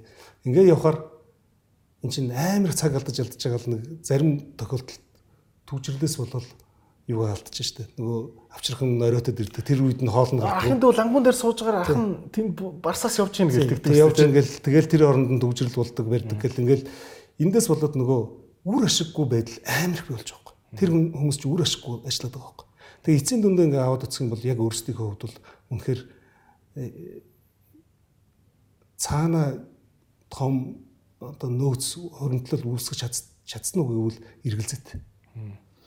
А тэгэхээр яг үхээр энийг онлайн хувьд шийдтсэн одоо шийдэл нь болохоор одоо жишээлбэл нэг шийдэл нь бол конвенс. Энэ бол яаж нэхээр саяны тэр олон бэлтгэн нийлүүлэгч олон зүйлүүдээс авчирдаг зүйлүүдээ бид нэг төв дээр хамгийн ачааллгүй үед нь одоо стандартын дагуу 5 градус 6 градус байх хэрэгтэй бол бид нэр сүү өндгийг тэр градус дээр нь авчирч байгаа бид нэр шөндөө авчираад үүрээр төгчж. Тэгэхээр нөгөө нэг Санта Клаусын бэлэг шиг сайн бэлэг шиг боож байгаа л бид нар төгчж. Тэгээд э, хэрвээ тэр нь хурдан дуусгаж байгаа бол өдөр тэрийг бэлдэж байгаа л төгөж. Тэгэхээр нөгөө нэг саяны тэр яриад байгаа тэр олон төгжрөл дунд. Энэ олон дэлгүүр ажиллаж байгаа шүү дээ. Тэгэхээр бүх хүмүүс л ингэж явчихаар Эсвэл бүх компаниуд нь эсвэл тэр айл дээр аваач очих гол томоохон одоо супермаркет ч гэдэг юм уу томоохон дэлгүүр байвал талбайтай дэлгүүр байвал нөгөө одоо сүү хувьцат компани машин тийш яваал тий одоо ингээл явах нь шүү дээ бөө машин тийш халах чихэр нь яваал ингээд өгөөж яваал гэл ингээл очих нь шүү дээ тэр айл руу тий тэгээ зарим нэр нь ирэхгүй кока-кола ер нь ирэхгүй гэл ингээл зөндөө юмнууд ингээл болно төгжрөл юуж байдаг шүү дээ тэгэхээр эндээсээ болоод нэг үр ашиггүй байдал бий болоод байдаг а энийг том төр зургаар нь харах юм бол нийгэмд өөрөө өөрөшгүй би би бодлого байдал би байж гэнэ гэдэг чинь өөрөө бид нар дээр бид нар хөгжлийг хашаад татаад байгаа юм. Аа тэгэхээр зөв зохион байгуулалтанд ороод одоо Питер Друкер гэж хэлдэг шүү дээ. Мань нөхрийн одоо үйлдвэрлэлийн үе шатны оптимизац гэдэг одоо бид нэр ингээ онлууд амар сайн ойлгох хэрэгтэй байхгүй. Тэр онлын оптимизацийн дагуу юу гарч иж нэхээр ерөөсөө тэгвэл хуваарлтыг бид нэр зөв хийх хэрэгтэй юм дээ. Яг ингээд энэ одоо шифтер буюу яг одоо энэ шугамар ийм хуваарлт хийгий. Энийг хуваарлт хуваарлт хийж үзье гэдэг ингээд нөгөө төлөвлөлт зөв хийгээд ирэх юм бол саяны тэр үр ашиггүй байдлыг багасгаад ирэхээр нөгөө ажиллаж байгаа хүний чинь салхи өсөж эхэлдэг. Яг бол би давхардууч тэнд бензин өрөөд авахгүй нь шүү дээ. Угаасаа тэгж давхардуулахгүй учраас би нөгөө хүмүүсүүдийн орлого өсөж эхэлдэг. Ашиг нь бий болоод эхэлдэг. Ингэжээч нөгөө эдийн засаг өөрөө системээрээ ашигтай ажиллахын төлөө бид би энэ зүйлийг одоо Монголд бас тодорхой хэмжээнд шийдэж өгөхийн төлөө ажилласаа гэдэг л тийм хүсэл мөрөөдөлт өгдөг байхгүй. Тийм. Тэр утгаараа анх энэ санаа төрж исэн. Одоо тэр Хонконг өдөр яваад гэж шилж байгаа шалтгаан тэр шүү дээ. А одоо бидний ингэж хийж байгаа өнөөдрийн энэ үйлдэл бол хэмжээ томроод ирэх юм бол нэлээд том одоо ач холбогдол импактыг бол бид нар бий болгоно. Тийм тийм нөгөө талаас одоо дэлгүүр ажиллаж байгаа ихч сууж шít. Тэгсэн чинь тэндээс нэг өндөг ороод ирдэг. Тэндээс сүү ороод ирэхээр за байж байгаараа байж байгаараа би дараагийн хүлээлцээ тхийгээ тийш гүгүүд очиж шít. Тэр хооронд нэг кастмер сейлс байхгүй шít. Борлуулалт байхгүй шít. Инхээр дахиад нөгөө нэг юм худалдаж яваад би гялс орчоод юм худалдаж аваа гарыг гэхэд бараан тасарсан. Эсвэл тэнд байж байгаа ихч тэнд завгүй байж идэг. Эсвэл тэр нэг жоохон талбайтай үйл ажиллагаа явуулахын тулд 2 3 хүн ажиллаж шít таслахгүй тулд нөгөө нэг бараа хүлээж авдаг нөхөр тэнд ингээд сууж явах нь шүү тэгээл. Тэгэл эсвэл ихчийг явуулахгүй бол ингээд суучлах нь шүү дээ. Ийм чинь өөрөө нийгмийн хувьд бол одоо эдийн засгийн оролцогчдын хувьд гэж хэлдэг одоо үрээшгүй байдлыг бий болгочих. Шат шатанда бүгдээрээ цагаараа хөгжих боломжоор илүү тэрний тэрний оронд тэнд тэр ихчийн хүүхэд нь тэнд бараа хүлээж авчихсан оронд амар гоё инженерийн сургууль сураад явж исэн бол хэд дахин илүү одоо өгөөжтэй бүтээн байгуулалтыг тэр залуу гадны хүмүүсүүдээс хамаарахгүйгээр бид нэр Монголда бүтээн байгуулалт хийгээ сууж байгаа. Тийм одоо боломж opportunity cost-ыг бид нэр алдчихж байгаа байхгүй. А тэгэхээр тийм боломжийн боломжийн өртөг бол алдагдсан боломжийн өртөг гэдэг зүйлийг бид багасгах хэрэгтэй байхгүй. Энэ том одоо утгаараа аваад үзэх юм бол ерөөсөө л opportunity cost гэдэг зүйлийг бид нэр ойлгохгүй байгаасаа болол бүх юмыг өөрсдөө хийх тийм одоо хүсэл мөрөөдөлтөй болол тэгэл ингээд явчих. За тэгэхээр яг вэхээр энэ асуудлуудыг цэгцлэхийн тулд одоо бид нар яаж хэлж байгаа гэхээр эхлээд залуучуудаа сургаж эхэлж байна. Саяны энэ нөгөө хөдөлмөрийн хуваарлалт гэдэг зүйлийг бид нэр зөв зохион байгуулалтанд орж эхэлж байна. Тэнд нэг ингээл годомжинд лаз өшглөөл явж байгаа нэг оюутан хүүхэд. За одоо оюутныхан байр руу одоо очиод нэг за хичээл нь дууссан одоо яад юм блэ гэж явж байгаа хүүхэд хэдэн төгрөг олох боломжийг гаргаж өгч байна. Уян хатан байдлаар бид нэр одоо нөгөө цагийн ажил гэдэг зүйлийг бид нэр Монголд хамгийн одоо том хэмжээгээр бид нэр бий болгож байна. Өнөөдөр манайх 1200 залуучууд бид нарт ажиллаж байгаа. Тэгээд одоо ингээд дэлгүүр баг ажилуулж байгаа гэхээс илүү баг мөнгө өгөө дээр нь сургаж өгч сургаж өгч байгаа шүү дээ. Тэр бас нэг харах өнцөг. Би бол одоо ингээд яадаг байхгүй а дөнгөж ажлын туршлахгүй сургуулаад өгсөн хүүхдүүд ингээд ажилд орно шүү дээ тий залуучууд. Тэгэхээр ер нь бол ингээд СИУ-д ажиллаж исэн ч юм уу. Үйлчлэгээний ажил хийж үдцсэн байнг байнгут илүү их амар санагддаг шүү дээ. Яагаад тэгэхээр хүнтэй харьцаад сурцсан хүн ажил гэдэг чинь ба заавал багийн ажил болдог тий хүнтэй харьцна гэдэг чинь ажлын баг тал нь шүү дээ. Угаасаа нийгэм гэдэг чинь хүний оролцоогоор л бий болж байгаа одоо зүйл үстэй тий. Тэгэхээр чинь ямар ч том сургалттай бизнес нийгмийн ямар ч үйл ажиллагаа хүний одоо чадвахаас л шалтгаална шүү дээ. Тэр түрүүний хэлээд байдаг тэр нөгөө нийгмийн хуваарлалт хөдөлмөрийн хуваарлалт энэ бүх асуудлуудыг бид нэр ингэж цогцоор харж хийх нь зөв юм байна гэж ойлгож байгаа. Тэр утгаараа саяны тэр одоо юу гэдэг Та танаас би жоохон нийгмийн жоохон юу асуучих уу? Жоохон дипэрц юм асуучих уу? Одоо угаасаа тэгэл бизнес хийнэ гэж явхаар хүссэн үсээгүй нөгөө нэг талтаа бол мэдээж бизнес гэдэг бол орлого олоод нэг аятах амьдчих гээд шүү дээ. Гэхдээ хүссэн хүсээгүй л бизнес хийж байгаа хүн болгоно л нийгмийн одоо нийгэмд яаж нөлөөлөх юм гэдэг юм. Энэ бизнес чинь нийгэмд яаж нөлөөлж байгаа гэдэг юм ярахаас өөр аргагүй болдог те. А би IRI гэдэг байгууллагын судалгааг ерөнхийдөө бол авч уншдаг байхгүй. Тэгээд Монголын ерөнхийдөө нийгмийг миний бодлоор хамгийн сайн оновчтой судал тал талаас нь судалдаг судалгаа гаргадаг гэж боддог. А тэгээд энэ байгууллагын судалгааг би ерөнхийдөө ингээд нэг 2 жил ингээд 2 2 цувралын ямарчсан уншицсан байна. Ингээд баа байг. Зүгээр ингээд надаа нэг ийм эцсийн дүгнэлт сэтгэлгээ сэтгэл төрсэн байхгүй тэр судалгаа судалгаанаас ер нь бүх зовлонгийн маа нийгэмд байгаа бүх зовлонгийн 90% нь ажилгүйдлээс л үүдэлтэй юм байна гэж би бол хувьдад үгэнсэн. А ажлын байр гэдэг юм шат чатанда хүн болгонд хүртээмжтэй байж байхгүй бол нийгэмд одоо яаж гоё прожект хийгээд зовлон үргэлж ихсдэг гэж би бодод. Та ажлын байр гэдэг юмны талаар яг нийгэм нийгэм талаасаа ямар байр суурьтай байдаг вэ? Ер нь одоо сүүлийн үед маш их ажиглагдаж байгаа нэг зүйл байна ажлын байр бол энд тэнд бол байна. Ажиллах ажил хийх сонирхолтой хүн алга. Сонирхол яагаад төрөхгүй вэ гэхээр манай нийгмийн халамжийн бодлого маш өндөр. Маш их хэмжээний халамж өгч байна. Тэгэхээр яг хөөр хүн өсөхгүй. Өсөхгүй болохоор хүн ажил хийж нэг жоохон уулын хүн фитнес хийчихвэл тухайн үедээ зовж байгаа боловч дараа нь эрүүл мэндэд нь сайн гэдэг шиг. Тухайн үедээ ажил хийгээд нэг жоохон ядарлаа гэхэд сүлд нь тэр хүн чинь маш их юм сурч байна. Орлоготой болж байна, тэ? Тэгээд дараа нь одоо эн чинь өөрөө сэтгэл санаа өөдрөг явж байна. Дараагийн төвшөнд би юмаа сурцсан хүн чинь дараа нь би өөрөө гоё бизнес хийвэл яах вэ гэдэг тэр хүсэл мөрөөдөлтөй болж байна, тэ? Энэ чинь нэг талын бол саяны тэр нөгөө ажилгүйдэл гэдэг зүйлийг чинь цаад бас нэг том асуудал шүү дээ. Хоёрдугаарт нөгөө юу гэдэг бид нар Жансан нургаач бас гоё хэлсэн байсан. Тэр нөгөө бид нөр өөрөө ингээ цээжид дэлдэл би Монгол гэл цээжидэл явдаг. Яг өмнөдөө ингээл хадаа дотоод улс орнууд үүсэх хэрэгтэй шүү дээ. Тэгжиж хүн яг яаж амьдарч ийн ер нь амьдрах ямар том гоё боломжууд байдгийг бэ гэдгийг хүн харахгүйгээр энд нэг ачуу айлын хашааны нөхөрлөл ингэж байгаа юм чи би адилхан л байж шүү дээ. Би нэг тийм тэр хүнээс дутаад ах юм юу байгаа ингээд нэг нэгнтэйгээ ингээ харьцуулагдаад явхаар амьдрал өөрчлөгдөхгүй байхгүй. Тэгэхээр энэ нөгөө нэг сэтгхүү гэдэг зүйлийг л бас нөгөө талаас арай өөрчилж иж сэтгхүү нь өөрөө дараагийн э, хэрэгцээг бий болгож иж тэр хэрэгцээг одоо хангахын тулд хүн өөрөө хөдөлмөрлж иж тэгж иж дараагийн шатанд за одоо би дараагийн одоо сэтгхүүгээрээ би дараагийн төвшөнд хаана хүрэх юм бэ гэдэг ингэж нэг өөрийгөө мөрөөдлөө ингэж урагшаага тээж авч явж л одоо хөгжих хөлгүүд. Би яг одоо яг тантай бол ингээд сөргүүлэх юм би олон сонсч ирсэн. Яг санал нийлжинч гэмээр юм олон сонсч ирсэн. Одоо жишээ нь хүнсний дэлгүүр ажилладаг маа нэг танил хэлж байгаа байхгүй. Улсын юуны мөнгө гэлээ нэг юм буухаар битүү архиталт болдог гэж байгаа. Тэр хавь 2 3 гудамж. Тэгэд яг нэг халамжлалчийн мөнгө нь яг хүүхдтэй очихгүй хүүхдийн мөнгө. Хүүхдтэй очихгүй аав ээж нь аваад арх уучдаг гэдэг байгаа. А тэгээ ерөөсөө тэр дэлгүүрүүд бол угаасаа баг тэр хүүхдийн мөнгө бугасаа хүлээж идэг.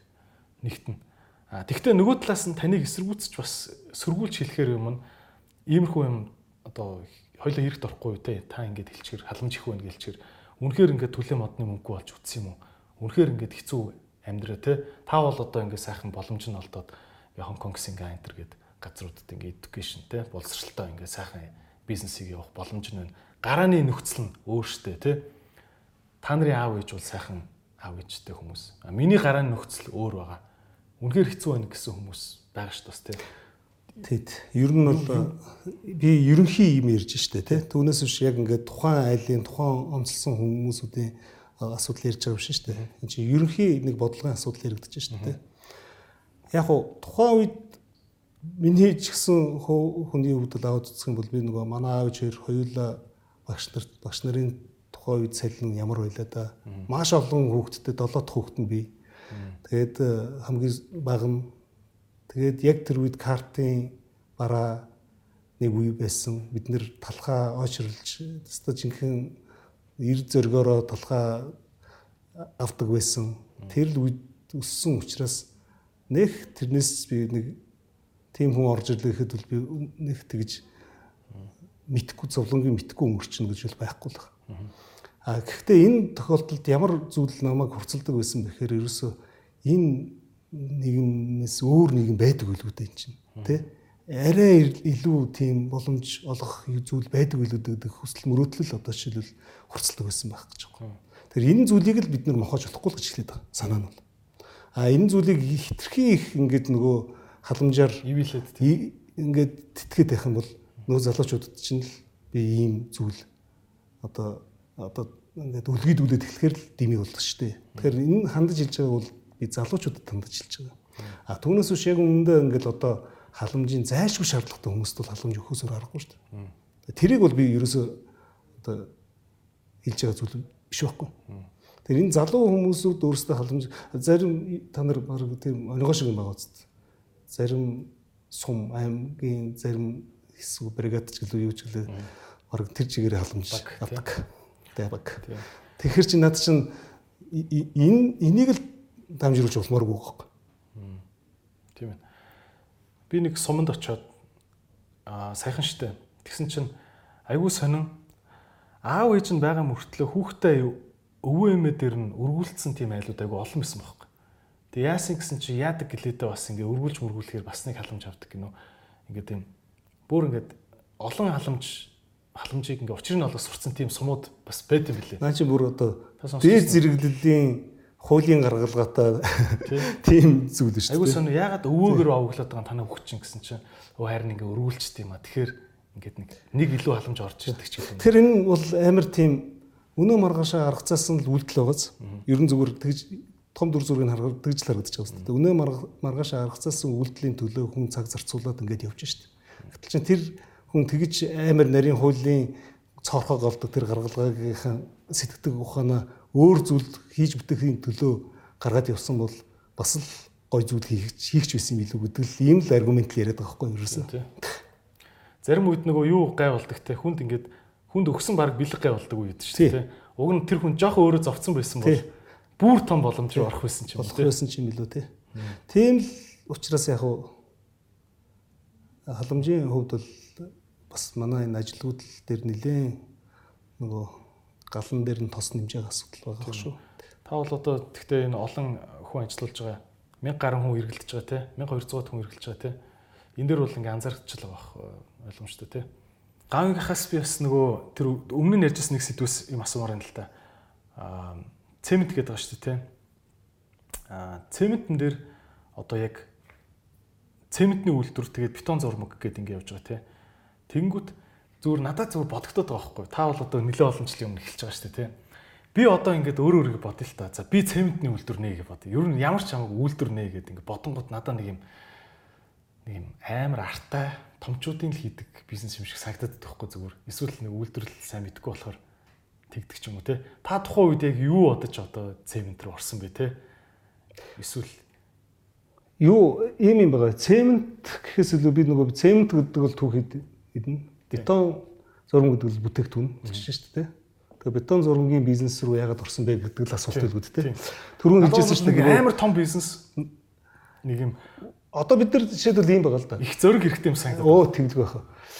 Гэхдээ ямар ч юм руу ороход хүн ер нь нэг тийм философи байх хэрэгтэй юм шиг байна. За би нэг бизнес хийе гэж бодъё л дээ тэр бизнесмен үнэхээр хэр том бизнес вэ? Хэр өсөх магадaltaй бизнес вэ? А тэгээд тэр бизнест үнэхээр ач холбогдол үнэхээр одоо тэр бизнесийг одоо би амжилттай одоо тэр бизнесийг хийхийн тулд үнэхээр тийм ач холбогдолтой том зах зээл дээр үйл ажиллагаа явуулдаг бизнес юм бол яг амжилтанд хүрэх үндсэн шалгуурууд юу вэ гэдгийг л эхлээд тогтоох хэрэгтэй шаардлагатай үстэй хүн. За тийм.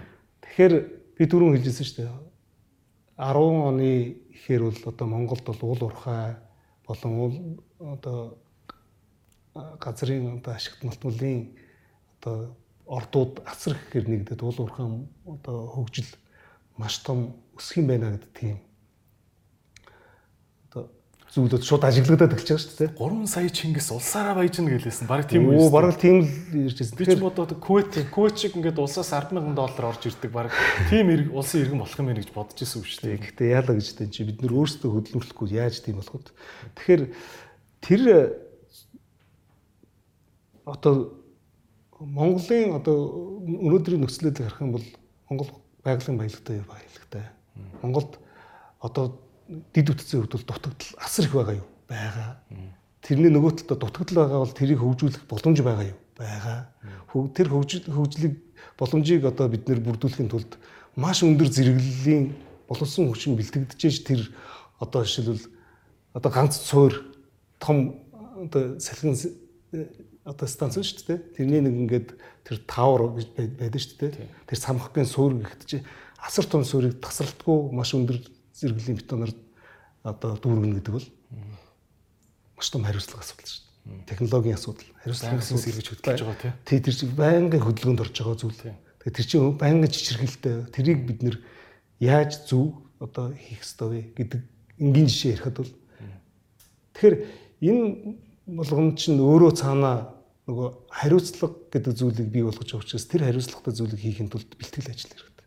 Түүнээс ч өнөө маргаашгүй шууд нэг бетон зураг бизнес хийгээл одоо ер нь бол их одоо тухайн үед л бид нэр бетон зургийн бизнес рүү орох орсон түүхийг би бас нэг э, дараа нэг ярьж байна. Ер нь зүгээр э, яаж орсон бэ гэдгээ. А зүгээр ер нь тухайн үед л бид нэр бетон зургийн бизнес рүү яг ороход бол 120 30-аад тийм компани байсан. Дараа нь багассан. Дараа нь дахиад эргээ 100 өдрөг орцсон байгаа. Энэ нь бол юугаад байгаа гэхээр нэг том одоо юу гэдэг хотхныг барих нэг барилгын компани тодорхойлготлоо өө бид нар өөрсдөө бетон зургийн компани нээчи тэрүүгээр ингэ хийчихэл тэрнээс би болсон одоо бетон зургийн компаниуд бол дийлэнх болгоно тэр шалтгаанаар би үүссэн. Тэгэхээр нөгөө өөрөө чи хэлээд байгаа нөгөө нэг том барилгын ажлыг ажил авцсан нөгөө артаа тим нөхдүүд гэж одоо хэлэх гээд байгаа бол магадгүй тэрийг төлөөлж хэлж бас магадгүй бах. А манайх бол өөр. Бид нар бол өөрсдийнхөө барилгын төлөө одоо бетон зургийн компанийг бий болгож гаргаж ирж байгаа зүйл биш. Бид нар мэрэгжлийн төвшөнд хэний ч ажлыг хийж өгөх тийм мэрэгжлийн багийг бүрдүүлэхийн төлөө бид нар гарч ирсэн. Ерөөсөө шалтгаан тийм. Яг тэгвэл энэ компани нь бол хуучин өс баган гэдэг нэртэй манай үеэл үеэл үеэл одоо юмхтэй тэрний нөхөр төр хоёрын бий болгосон бизнес. Тэгээд үнэхээр өөр газар түрээслээд одоо юу баачм плант буюу одоо тэр нөгөө үйлдвэрийн түрээслээд ажилладаг байсан. Тэгээд дараа нь өргөжих шаардлагатай болсон. А тэгээд ирээд хэлжсэн. Одоо энэ бизнесийг өргөжүүлэхгүй бол яг ингэ тулчаад байна. Одоо яах вэ? Гэтэхээр тэр үед л бодож утсан байхгүй. Нээрэл энийг зөв төвшөнд авчираад зөв одоо хүмүүсүүдээр бүрдүүлээд мэрэгжлийн ур чадварыг улам сайжруулад явал бид нэр яах вэ? Ямар боломж байгаа гэдэг судалгаа хийчихсэн байна. Тэгэхээр судал судалж чад ер нь боломжтой юм байна. Гэл бид нэр тэр компани менежментийг аваад нэрийг бид нэр премиум конкрет болгож өөрчлөөл. Чи энэ чинь уул нь премиум конкрет биш байсан байна. Тэгээд бидний гол зорилго бол бид нэр олон улсын төслийг л бид нэр хэрэгжүүлдэг мэрэгжлийн ур чадвартай багийг бүрдүүлнэ гэдгийн төлөө л явсан. Тухайн үед тэр конкретны чанар тийм үү байсан юм уу энд тэнд? Тэгэл тухайн үед баригдажсэн тийм олон улсын зэрэглэлийн дид үтцийн төсөл юу байсан Монголд? Байгааг үстэй барах шах. Хэдэн он блэ одоо энэ чинь? 10-нд 10 10 11 оны асуудал ярьж шүү дээ. Санаа нь бол 10-нд гарсан. 11 онд бол бид нэр яг компани байсан. Тэгэхээр тийм учраас одоогийн өнөөдрийн ийм том одоо олон улсын зэрэглэлийн бүх бетон зургуудыг манай компани хийлэрсэн. Манай компани оролцоогүй тийм төсөл бол би л одоо бол би сайн мэдэхгүй. Энэ бүх л хотхнууд. Хотхон биш ээ биш. Хотхны бетон зургийн асуудал бид нэр ярихгүй шүү дээ. Бид нар бол энэ том дид утсан. Дид утсан тий.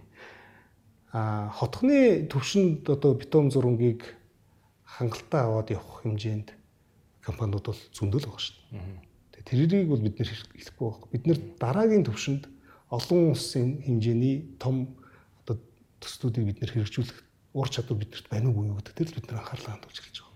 Тийм учраас нэг төсөл дагаж нэг төсөл юу яаж бид нэр тийм бизнес рүү ороог байхгүй. Тийм. А нөгөө талаас бас нэг ойлгох зайлшгүй шаардлагатай юм байгаа бах. Оо эн чинь тэгэл нэг тийм чухал тийм бараг л ингээл хитийн юмнуудыг авчрал зурч штэ гэдэг тийм ойлголт хүмүүс үүд. Яг уу яг уу нэг жижигхэн намхан барилгууд дээр тодорхой хэмжээний одоо хэмжээний өндөртөө барилгууд дээр бол болох л баг. Стандартаа хангана болох л баг. Гэхдээ бүр нэг тодорхой төвшнөөс дээшээгээ лабораторийн хэмжээнд бас өндөр чанартай бетон гаргачих бас болох л баг. Тухайн тийм үү. А тэрийг тасралтгүй нөгөө материалын чинь чанар нь савлна шүү дээ. Янз янзын газараас материал орж ирнэ. Янз янзын бороотой, цастай, янз янзын үед нөгөө бетон зургийг чинь бий болгоно. Янз янзын байршилд нөгөө бетоныг чинь хөргөж өгнө. Хол, ойр гэт ингээд энэ бүх нөхцлөөс үл хамааран стандартыг яг нэг төвшөнд барьдаг тийм э, шаардлага хангасан төслүүдийг хэмжээгээр нийлүүлнэ гэдэг зүйл бол үнэхээр мэрэгжлийн ур чадвар шаардлагаас өөр аргагүй зүйл. Тэгэхээр би түрүүн хэлээдсэн энэ нөгөө эднэрийн тэр ойлголт бол буруу шүү тий. Ийм том төслүүд бол хизээж арын ялгаар авдаг байхгүй. Тэр хүмүүс арын ялгаар нэг хідэн бетон зургийн компанид ажил өгөж тэгж бүхэл бүтэн төслөө унгаж яснаас хамгийн мэрэгжлийн хамгийн ур чадвартай хамгийн одоо эрсдлийг одоо менежмент хийцэн тэ тэр компанид тэр одоо сонгож авна шүү дээ. Өөр яах юм?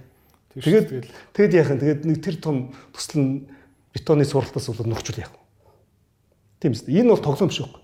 Тийм учраас нөгөө бидний гол анхаарсан зүйл бол тэр өрсөлдөөн биднэрт чухал биш. Хамгийн гол нь бид нэр тэр кастомерийнхаа тэр тухайн төслийнхөө бетон үнэхээр тэр хэмжээний бетоныг тэр засварлтгүй бид нэр ямар нэгэн чанарын эрсдэл гарахгүйгээр хийж чадахгүй юу гэдэг дээр л бодлого өгнө. Тэгэл бол. Тийм. Тэр нөгөө премиум гэдэг үг ч угсаа хамгийн сайн л гэсэн үг шүү дээ. Тий. Одоо хамгийн сайн л байх хэвээр. Тийм ээ. А тэгвэл та яагаагүй юу? Та одоо ингээд зүгээр 10 жилийн өмнө ингээд за намайг одоо ингээд жишээ за нэг юмны үйлдвэр юуны ч хамгүйсэн. Нэг юмны үйлдвэр барина гэвэл надаа ингээд яана үйлдвэр гэдэг чинь баах хөрөнгө оруулалт те. Тэгээд тэр чинь ингээд анх ингээд ихний захиалгуудаа автлаа бас нэлээд удаан тисэх ёстой. Юмыг яаж мэдгүй одоо яаж байгаа чинь нэг жил гацалтанд ордог ч юм уу нэг зөвшөөрөл нь гарахгүй мэдгүй дахиад ингээд жил болж магадгүй гэдэг ингээд юм юмыг барина үйлдвэр барина гэдэг чинь ерөөсөө маш их маш их одоо мөнгө эрсдэлд оруулж гэнэ гэсэн үг шүү дээ.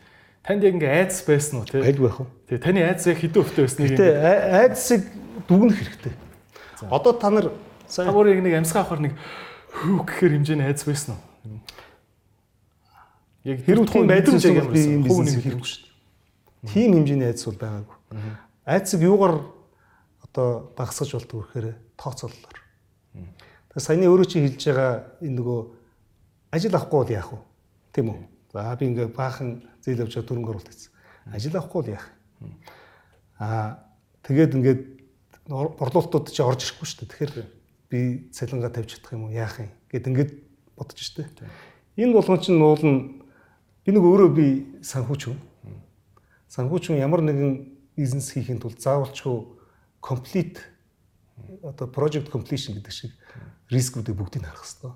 Тэгэхээр ажил авахгүй байхад хэдийн хэмжээнд хугацаанд одоо англиар хэлдэг cash burn rate жилдэг тийм мөнгөө шатах одоо миний хувь хурд хэрэг хурдтай байна гэдгийг тооцоолох хэрэгтэй тэр хэсэг. А тэр хэсэгт тооцоолчоор хангалттай хэмжээний а нөгөө гүүх цай гараад ирнэ. Гүүх зайгаа тооцоолох хэрэгтэй. Одоо манайхан нөгөө бизнес эхлэхдээ яаж нэхээр тухайн үйлдвэрийн хөрөнгө оруулалтынхаа мөнгийг л зээлчдэг. Тэрнийхээ эсвэл мөнгийг л бэлтждэг. Тэгэл би бизнестэй болчихно гэж боддог. Гэтэл чин тэр бол зөвхөн хөрөнгө оруулалтын нэг хэсэг шүү дээ. Хоёрдугаар би хүмүүсүүдэд сурах хэрэгтэй шүү. Сурахад зориулаад маш их хэмжээнд мөнгө орж ирэхгүй шүү дээ тэр чин. Зөвхөн жин мөнгөө шатааж шүү. Тэрийг би сургалтанд хэрэг хэмжээнд бид нар хүмүүсүүдэд хурдан сургаж авчдаг. Маркетинг юм. Маркетингд маш их хэмжээний маркетинг бол судалгаагаа хийнэ. Тэгээд дээрэс нь коммуникац буюу одоо тухайн байгууллагуудтайгаа бид нэр яг ямар аргаар харьцаж, уулзч, очиж өөрсдийгөө танилцуулах уу гэдэг асуудлаа ярина. Энд маш их хугацааны яварна. Энэ болгоныг нийлүүлэхээр ямар ойлголт гарч ирдэг гэхээр энийг working capital буюу ажлын капиталын санхүүжилт тийм төлөвлөгөө гэдэг зүйл энэ дээр гарч иж байгаа юм. А түрүүнийх бол зөвхөн үндсэн хөрөнгө оруулалт компаниудын асуудал яригдчихэж шүү дээ.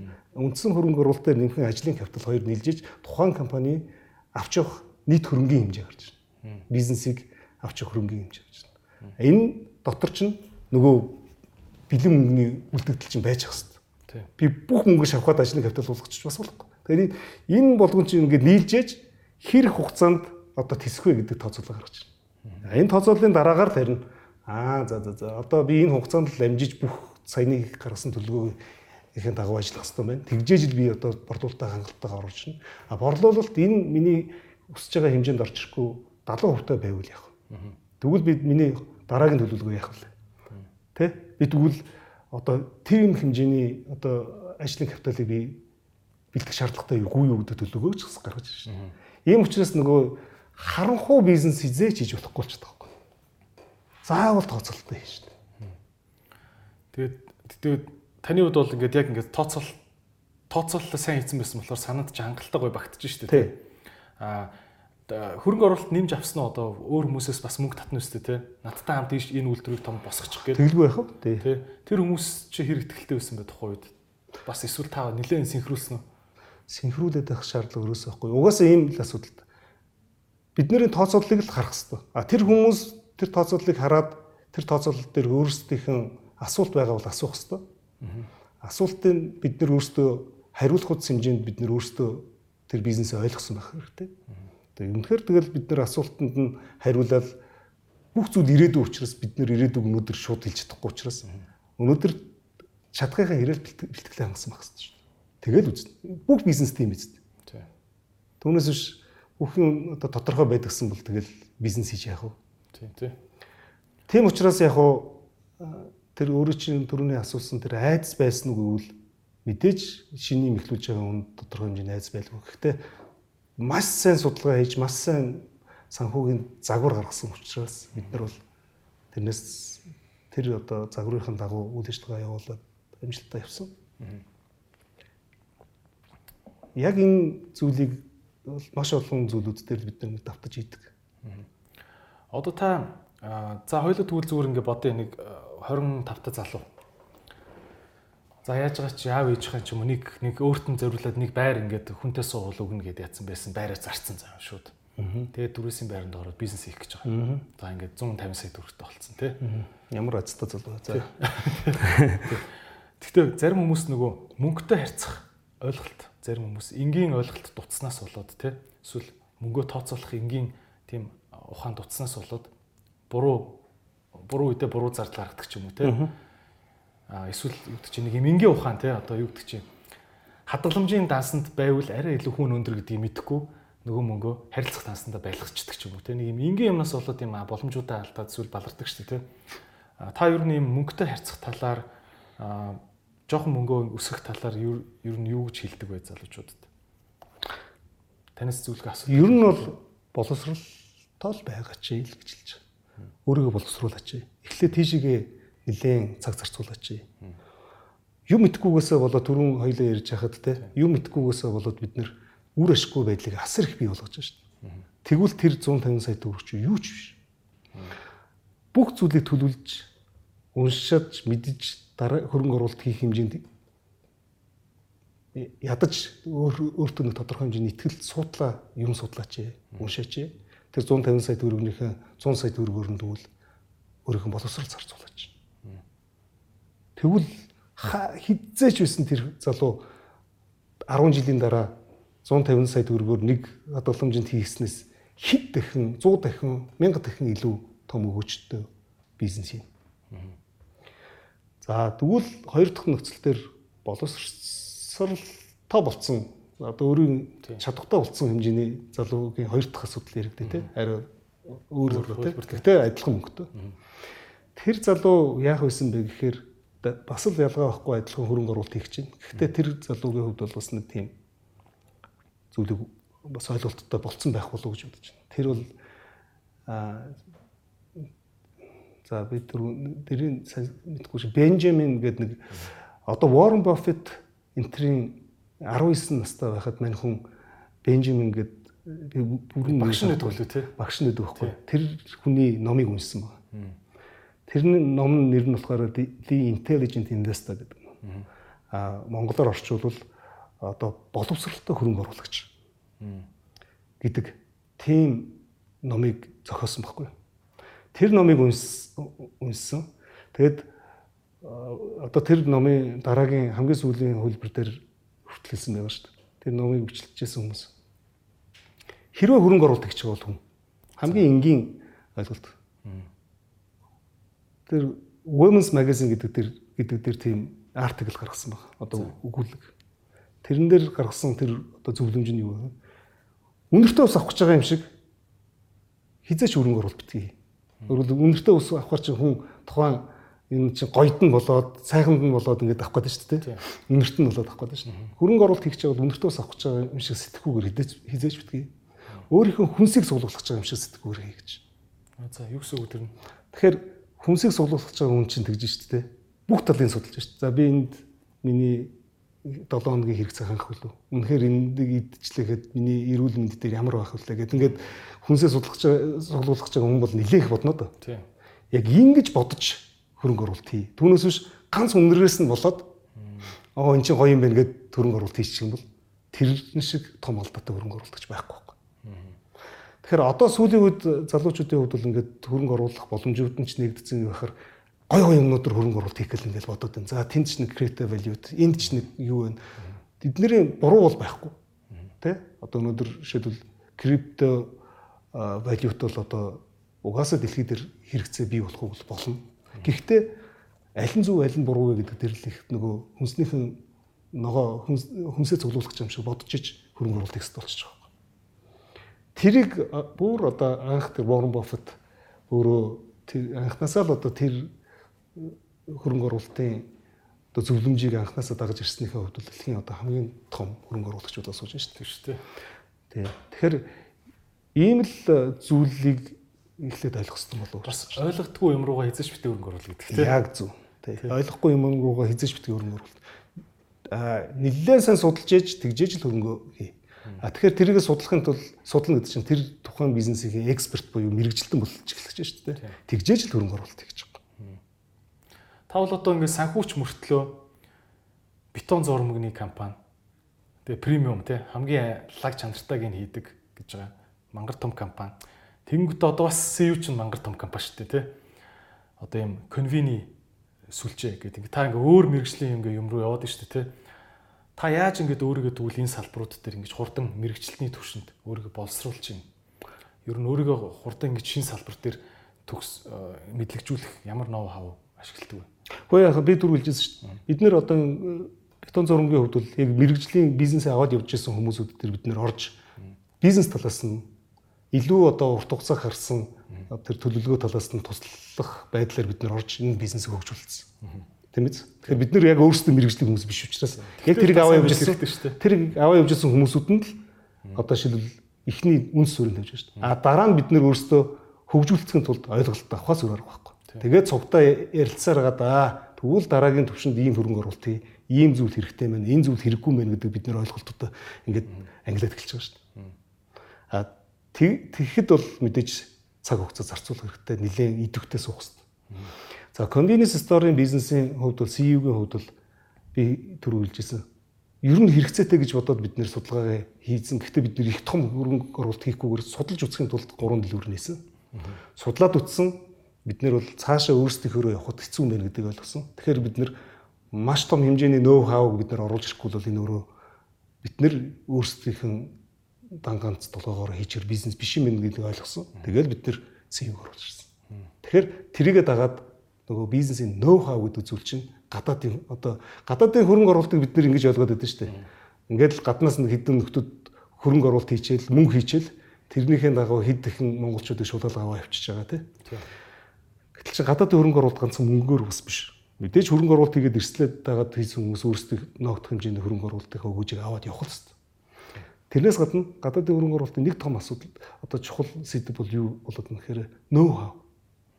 Тэ? Энэ одоо бит бус хөрөнгө оруулалтууд амар хэрэгтэй байдаг байхгүй.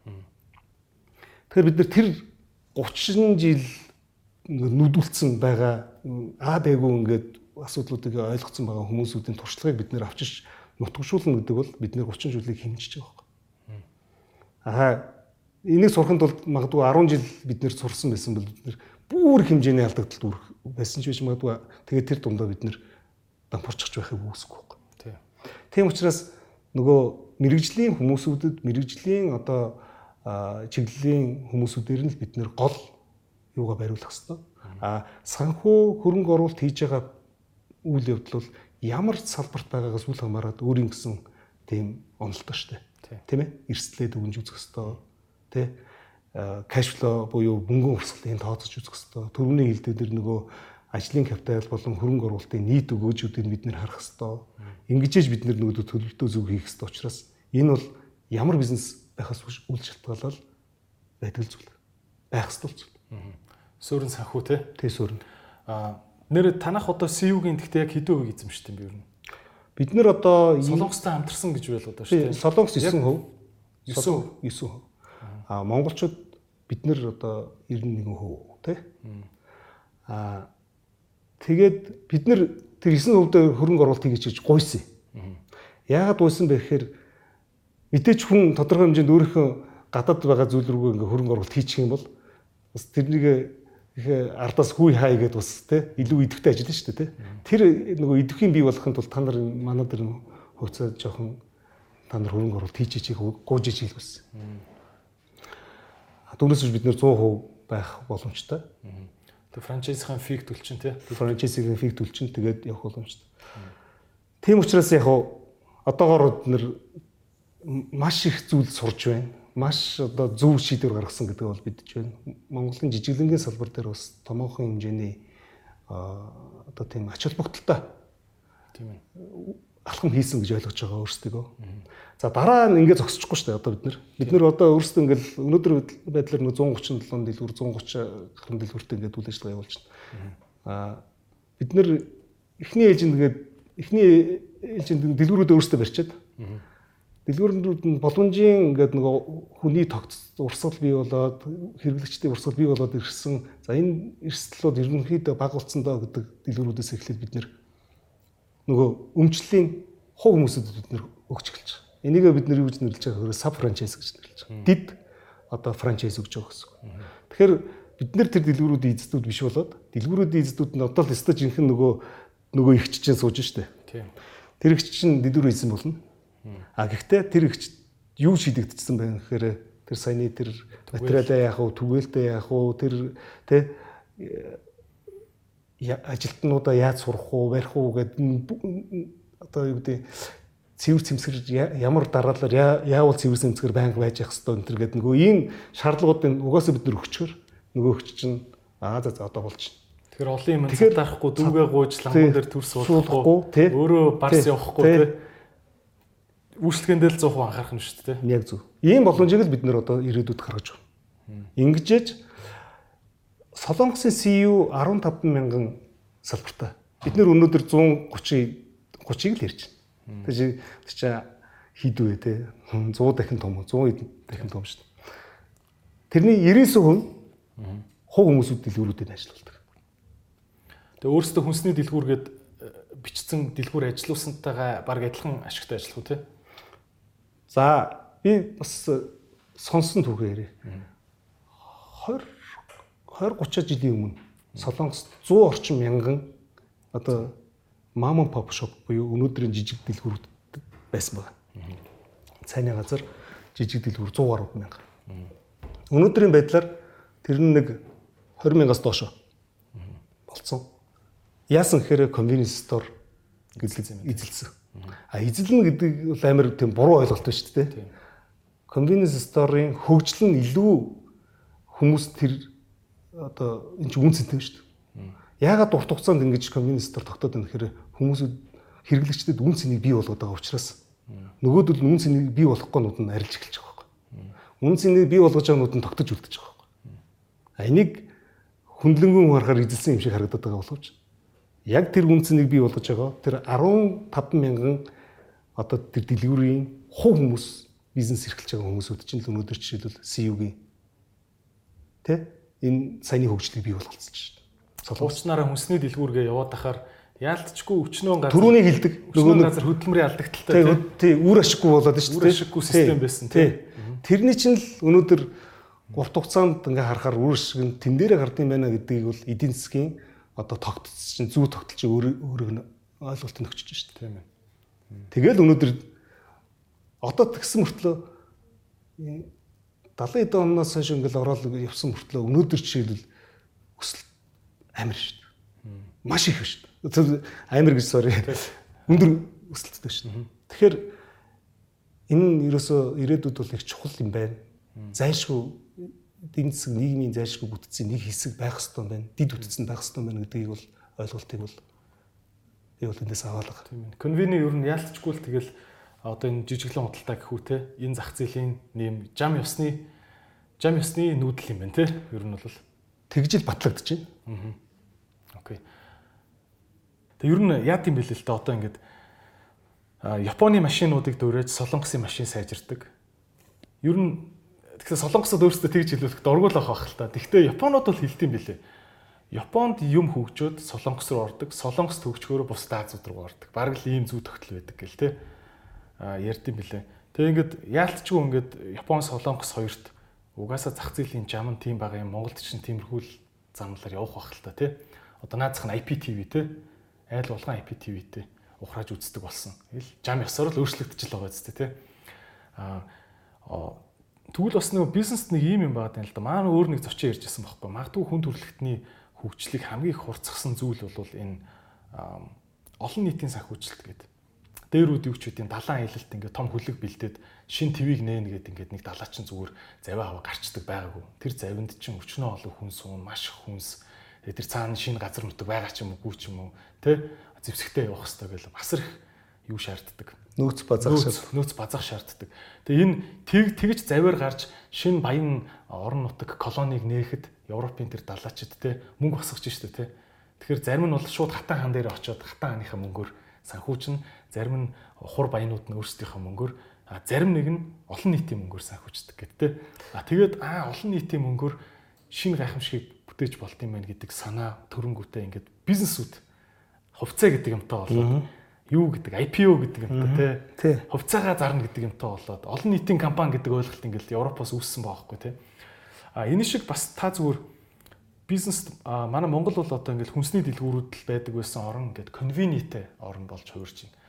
А тэгвэл нөгөө талдаа бас бизнесийн ертөнцид ингээд чам ёсны том том өөрчлөлтүүд гарч ирэх шиг байна тий. Та юу харж байна? Сүүлийн одоо ингээд олон жил бизнес хийж байгаа юм тий. Манад ямар том өөрчлөлтүүд ирж байна? Зүгээр хувь иргэн бүр бизнесийг яаж илүү өөр төвшөнд ойлгож хардаг болоосоо гэж та боддгоо. Нэг том зүйл ажиглагдаж байгаа. Тэр бол яаж юм гэхээр сүүлийн ялангуяа нэг 4 5 жилийн юунд харах юм бол залуучууд interactive brokers ч гэдэг юм уу тий одоо өөр дэд бүтцүүдээр одоо брокер онлайн брокеруудаар дамжуулаад хөрөнгө оруулалт хийж байна. Монголын хөрөнгөний бирж дээр хөрөнгө оруулалтууд хийж байна хувьцаа гэдэг зүйл дээр нэлээд одоо ойлголт нь сайжирч эхэлж байна. Энэ жам ёсны асуудал. Угаасаа ингэж ээж нөгөө хүмүүс чинь өөрсдийнхөө хөрөнгийг өгөөж өгсгдөг. Тийм ээ. А нөгөө талд нь хэрэгцээ байгаа учраас тэр хүмүүсүүдээс хөрөнгө татчихна. Нэг талд нь хэрэгцээ байгаа учраас тийшээ хөрөнгө оруулалт хийж байна. Энэ хоёрын хооронд нь нийлүүлж ижил энэ зах зээл гэдэг зүйл чинь бий болж байгаа шүү дээ. Тэгэхээр түрүүний өөрөө чи ярьдаг тэр галландууд одоо жишээлбэл хамгийн анхныхаа одоо хувьцат компаниг бий болгоол те мөнгө өсгөл ингээл нөгөө ста Васка да Гама гэдэг шиг хийн Португалийнхан тэгж гараал явж гин Голландчууд гараал явж гин Испаничууд гараал явж гин ингээл тэг болгосоол ингээл э, одоо эрсдлээ хуваалцаал явж байгаа асуудал шүү дээ. Нөгөөтөөс өгөөж хуваалцаж байгаа шүү дээ. Тийм үү? Тэгэхээр их нөөц бүрдүүлж байгаа гэдэг бол хэдийгээр тэр юу ч газар болтохгүй бол тэгэл эрсдэл болоод усна. Үнэхээр газар болтчих юм бол тэнд оролцсон хүмүүсүүд маш их хэмжээний өгөөж өртнөд. Яг энэ хөлөн хөлөг онгоцыг одоо бүрдүүлж байгаатай адилхан компаниуд хувьцаа гаргаж байгаа гэдэг зүйл чинь өөрөө л яг л ийм зорилготой байдаг. Тэгэхээр одоо олон нийтийн мөнгө хөрөнгө оруулалтын асуудал гэдэг буюу одоо IPO олон нийтэд нээлттэй хувьцаагаа одоо зарж олон нийтийн компани болно гэдэг зүйл бол их зөв хандлага штэ. Тэ? Төрөний хэлдгэр боломжийг олоолаа хүртээ. Эрсдэл байхаа үүсэхгүй. Гэтэ боломж илүү байдаг учраас тийшээгээ хэдүүл хөрөнгө оруулалт гэдэг тийм зарчим байна шүү дээ. За энийг дээр үеэс одоо жишээлбэл судалгаа хийсэн яг одоо хөрөнгөний биржүүд дээр судалгаа хийсэн 1900 оны ихээс хойшоо ингээд маш олон жилийн статистик судалгаануудыг хийгээд ингээд үтцсэн судалгаанууд байна л да. Тэд нар дээр яж нэхэр ерөнхийдөө нэг хоёр э, хөрөнгө оруулалт бас үндсэндээ нэг хоёр чиглэл байгаа. Нэг нь болохоор бондын хөрөнгө оруулалт. Нөгөө одоо би зах зээл ирж штэ. А нөгөөх нь болохоор common stock буюу энгийн хувьцааны хөрөнгө оруулалт. Энэ хоёр хөрөнгө оруулалтыг э, оруулалтад оруулсан өгөөжүүдийг ингээ харьцуулаад үзэж байгаа байхгүй. Бондын хөрөнгө оруулалт бол мэдээж нөгөө тогтмол өгөөж өгдөг учраас тийшээгээ эрсдэл багтаа. Гэхдээ эрсдэл багтаа гэж хэлэхэд бас хэцүү. Компанитайгаа л адилхан л эрсдэлтэй шүү дээ. Ер нь л компани гаргасан бонд учраас тийм. А нөгөө талаас ингээд төр засаг одоо төв банкуд ч гэдэг юм уу ингээд treasury бондууд гаргадаг. Тэр тэдний эрсдэл бол хамгийн одоо бага эрсдэлтэй гэж үздэг. Тэшигээ хөрөнгө оруулалт хийвэл хүн мөнгө нь шатахгүй байх магадлал маш өндөр мөртлөө өгөөж маш баг. Тэгэхээр өгөөж өндөртэй байхын тулд high yield бондууд руу хөрөнгө оруулалтад хийгээд эхэлдэг өндөр өгөөжтэй. А тэр нь заримдаа эрсдэлтэй. А тэгвэл энгийн хувьцаанд хийсэн хөрөнгө оруулалтууд нь бэ гэдэг статистик судалгаараа үзсэн бол зарим компани дампуурдаг. Одоо Polaroid ч гэдэг юм уу тийм ингээд гоё явж исэн компаниуд дампуурчдаг. А зарим компаниуд жишээлбэл одоо юу гэдэг Netflix гэдэг юм уу, Amazon гэдэг юм уу тийш хийсэн 10 100000 дахин хувь өсчдөг. Тийм тийм. Тэ. Гээд ингээд ийм зүйлүүд байдаг учраас хөрөнгө оруулалт тийм дундаж өгөөж ирээ аваад цэцгэн хувьцааны хөрөнгө оруулалтын өгөөж тамаагүй өндөр байдаг. Энэ нь одоо цаашдаа Монголд бол ажиглагдах болов гэж бодож байгаа. Хадгаламжийн зээлийн хүү өнөөдөр хадгаламжийн хүү өнөөдөр нэлээд баг болоод эхэлсэн. Харилцах дээр хүү тооцохгүй байгаа. Хугацаагүй хадгаламжид хүү тооцохгүй байгаа. Ирэхээр яалтчгүй одоо нөгөө мөнгөний хөрөнгө оруулалтыг би хаашаа хийх үү гэдэг нөгөө хөрөнгө мөнгөтэй олон нийт байна. Тий. Бодож эхэлж байна. А энэ боломжийг нөгөө талаас нь тэгвэл ийм боломж биш үү хэдүүлээ хамтраад хөгжүүлүүл яд юм бэ гэдэг тийм компаниуд гарч ирээд хувьцаагаа гаргадаг. За энэ бол нэг жишээ те. А нөгөөх нь юу гэдэг тэгж хувьцаа гаргаснараа нөгөө компаниудын хувьд бол бас тэр олон нийт чи өөрсдийнх бүтээгдэхүүн хэрэглэгч болно шүү Тийм үстэй. Илүү одоо бас ингээд хэрэглээ үнэнч байдал бий болно. Энэ бол бас нэг хоёр томцог. Ягаад төвцөө гаргадаг вэ гэдэг. Яваа яванда бол одоо зүү тогтлороо бол хөрөнгөний бирж маш сайн хөгжих хэвээр. Одоо капиталын бирж те маш сайн хөгжиж тэгжээж энэ нөгөө өндөр хүүтэй зээлийн асуудлууд чи өөрсдөө зэгцэрч ирэх хэвээр.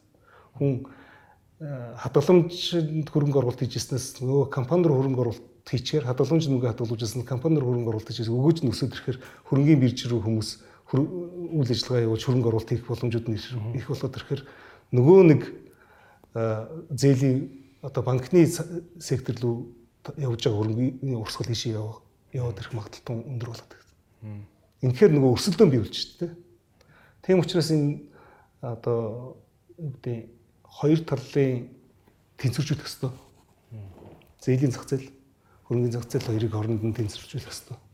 Тэгвэл яах юм бэ те? Ер нь одоо хөрөнгөний зах зээл гэдэг байгаа юм. Компаниуд хувьцаагаа гаргаад зардаг юм бол цааш улмал бүр л их болно гэж таарч байна те. Би би бас зүгээр нь хардталт өгдөө штэ нэг юм. Уул уурхай нэг хэсэг бужигч жагаал ингээл чимэг болдогтой адилхан те. Баахан компани IPO IPO гэж сонсогдол байгаа штэ те сүүлийн хэдэн жилүүдэд.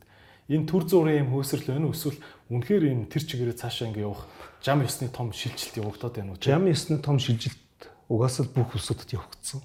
Явагдана. Тэр бол ойлгомжтой шүү дээ. Хөрөнгөний зах зээл тэртээ дөрвөө хөгжинэ. Хөгжих ёстой. А нэг илүү хөгжлийн хурцгах бас тийм арга хэмжээ төр засгаас авал бүр сайн. Жишээлбэл Бразилийн хувьд бол ямар нэг код гаргасан байгаа. Нэг код бий одоо тэр захирамж гаргасан байгаа шүү дээ. Бодлоготой regulation.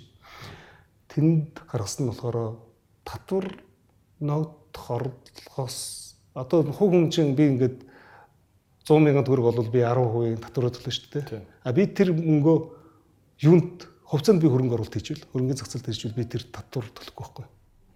Тийм одоо тухайн үед одоо бол болцсон л байна. Тухайн үед тийм дэмжлэгийн бодлогоодыг их гаргаж ирсэн. Тэгэхээр нөгөө хүмүүсүүд чинь өө за за би тэгвэл татвар ингэж өгжсэнээс тэрний оронд хөрөнгөний бирж дээр хувьцаагаа авчий. Тэгэхээр нөгөө хөрөнгөний бирж чи хөгжлийг ингэж бодлоор урсгаж өгж штэ. Иймэрхүү зүйлүүдийг бол зурсгаас үе шаттай хийгээд явал бүрсэн. Тэгээ ер нь А тэгээд хүн гол асуудал. Гол асуудлыг мэдчих.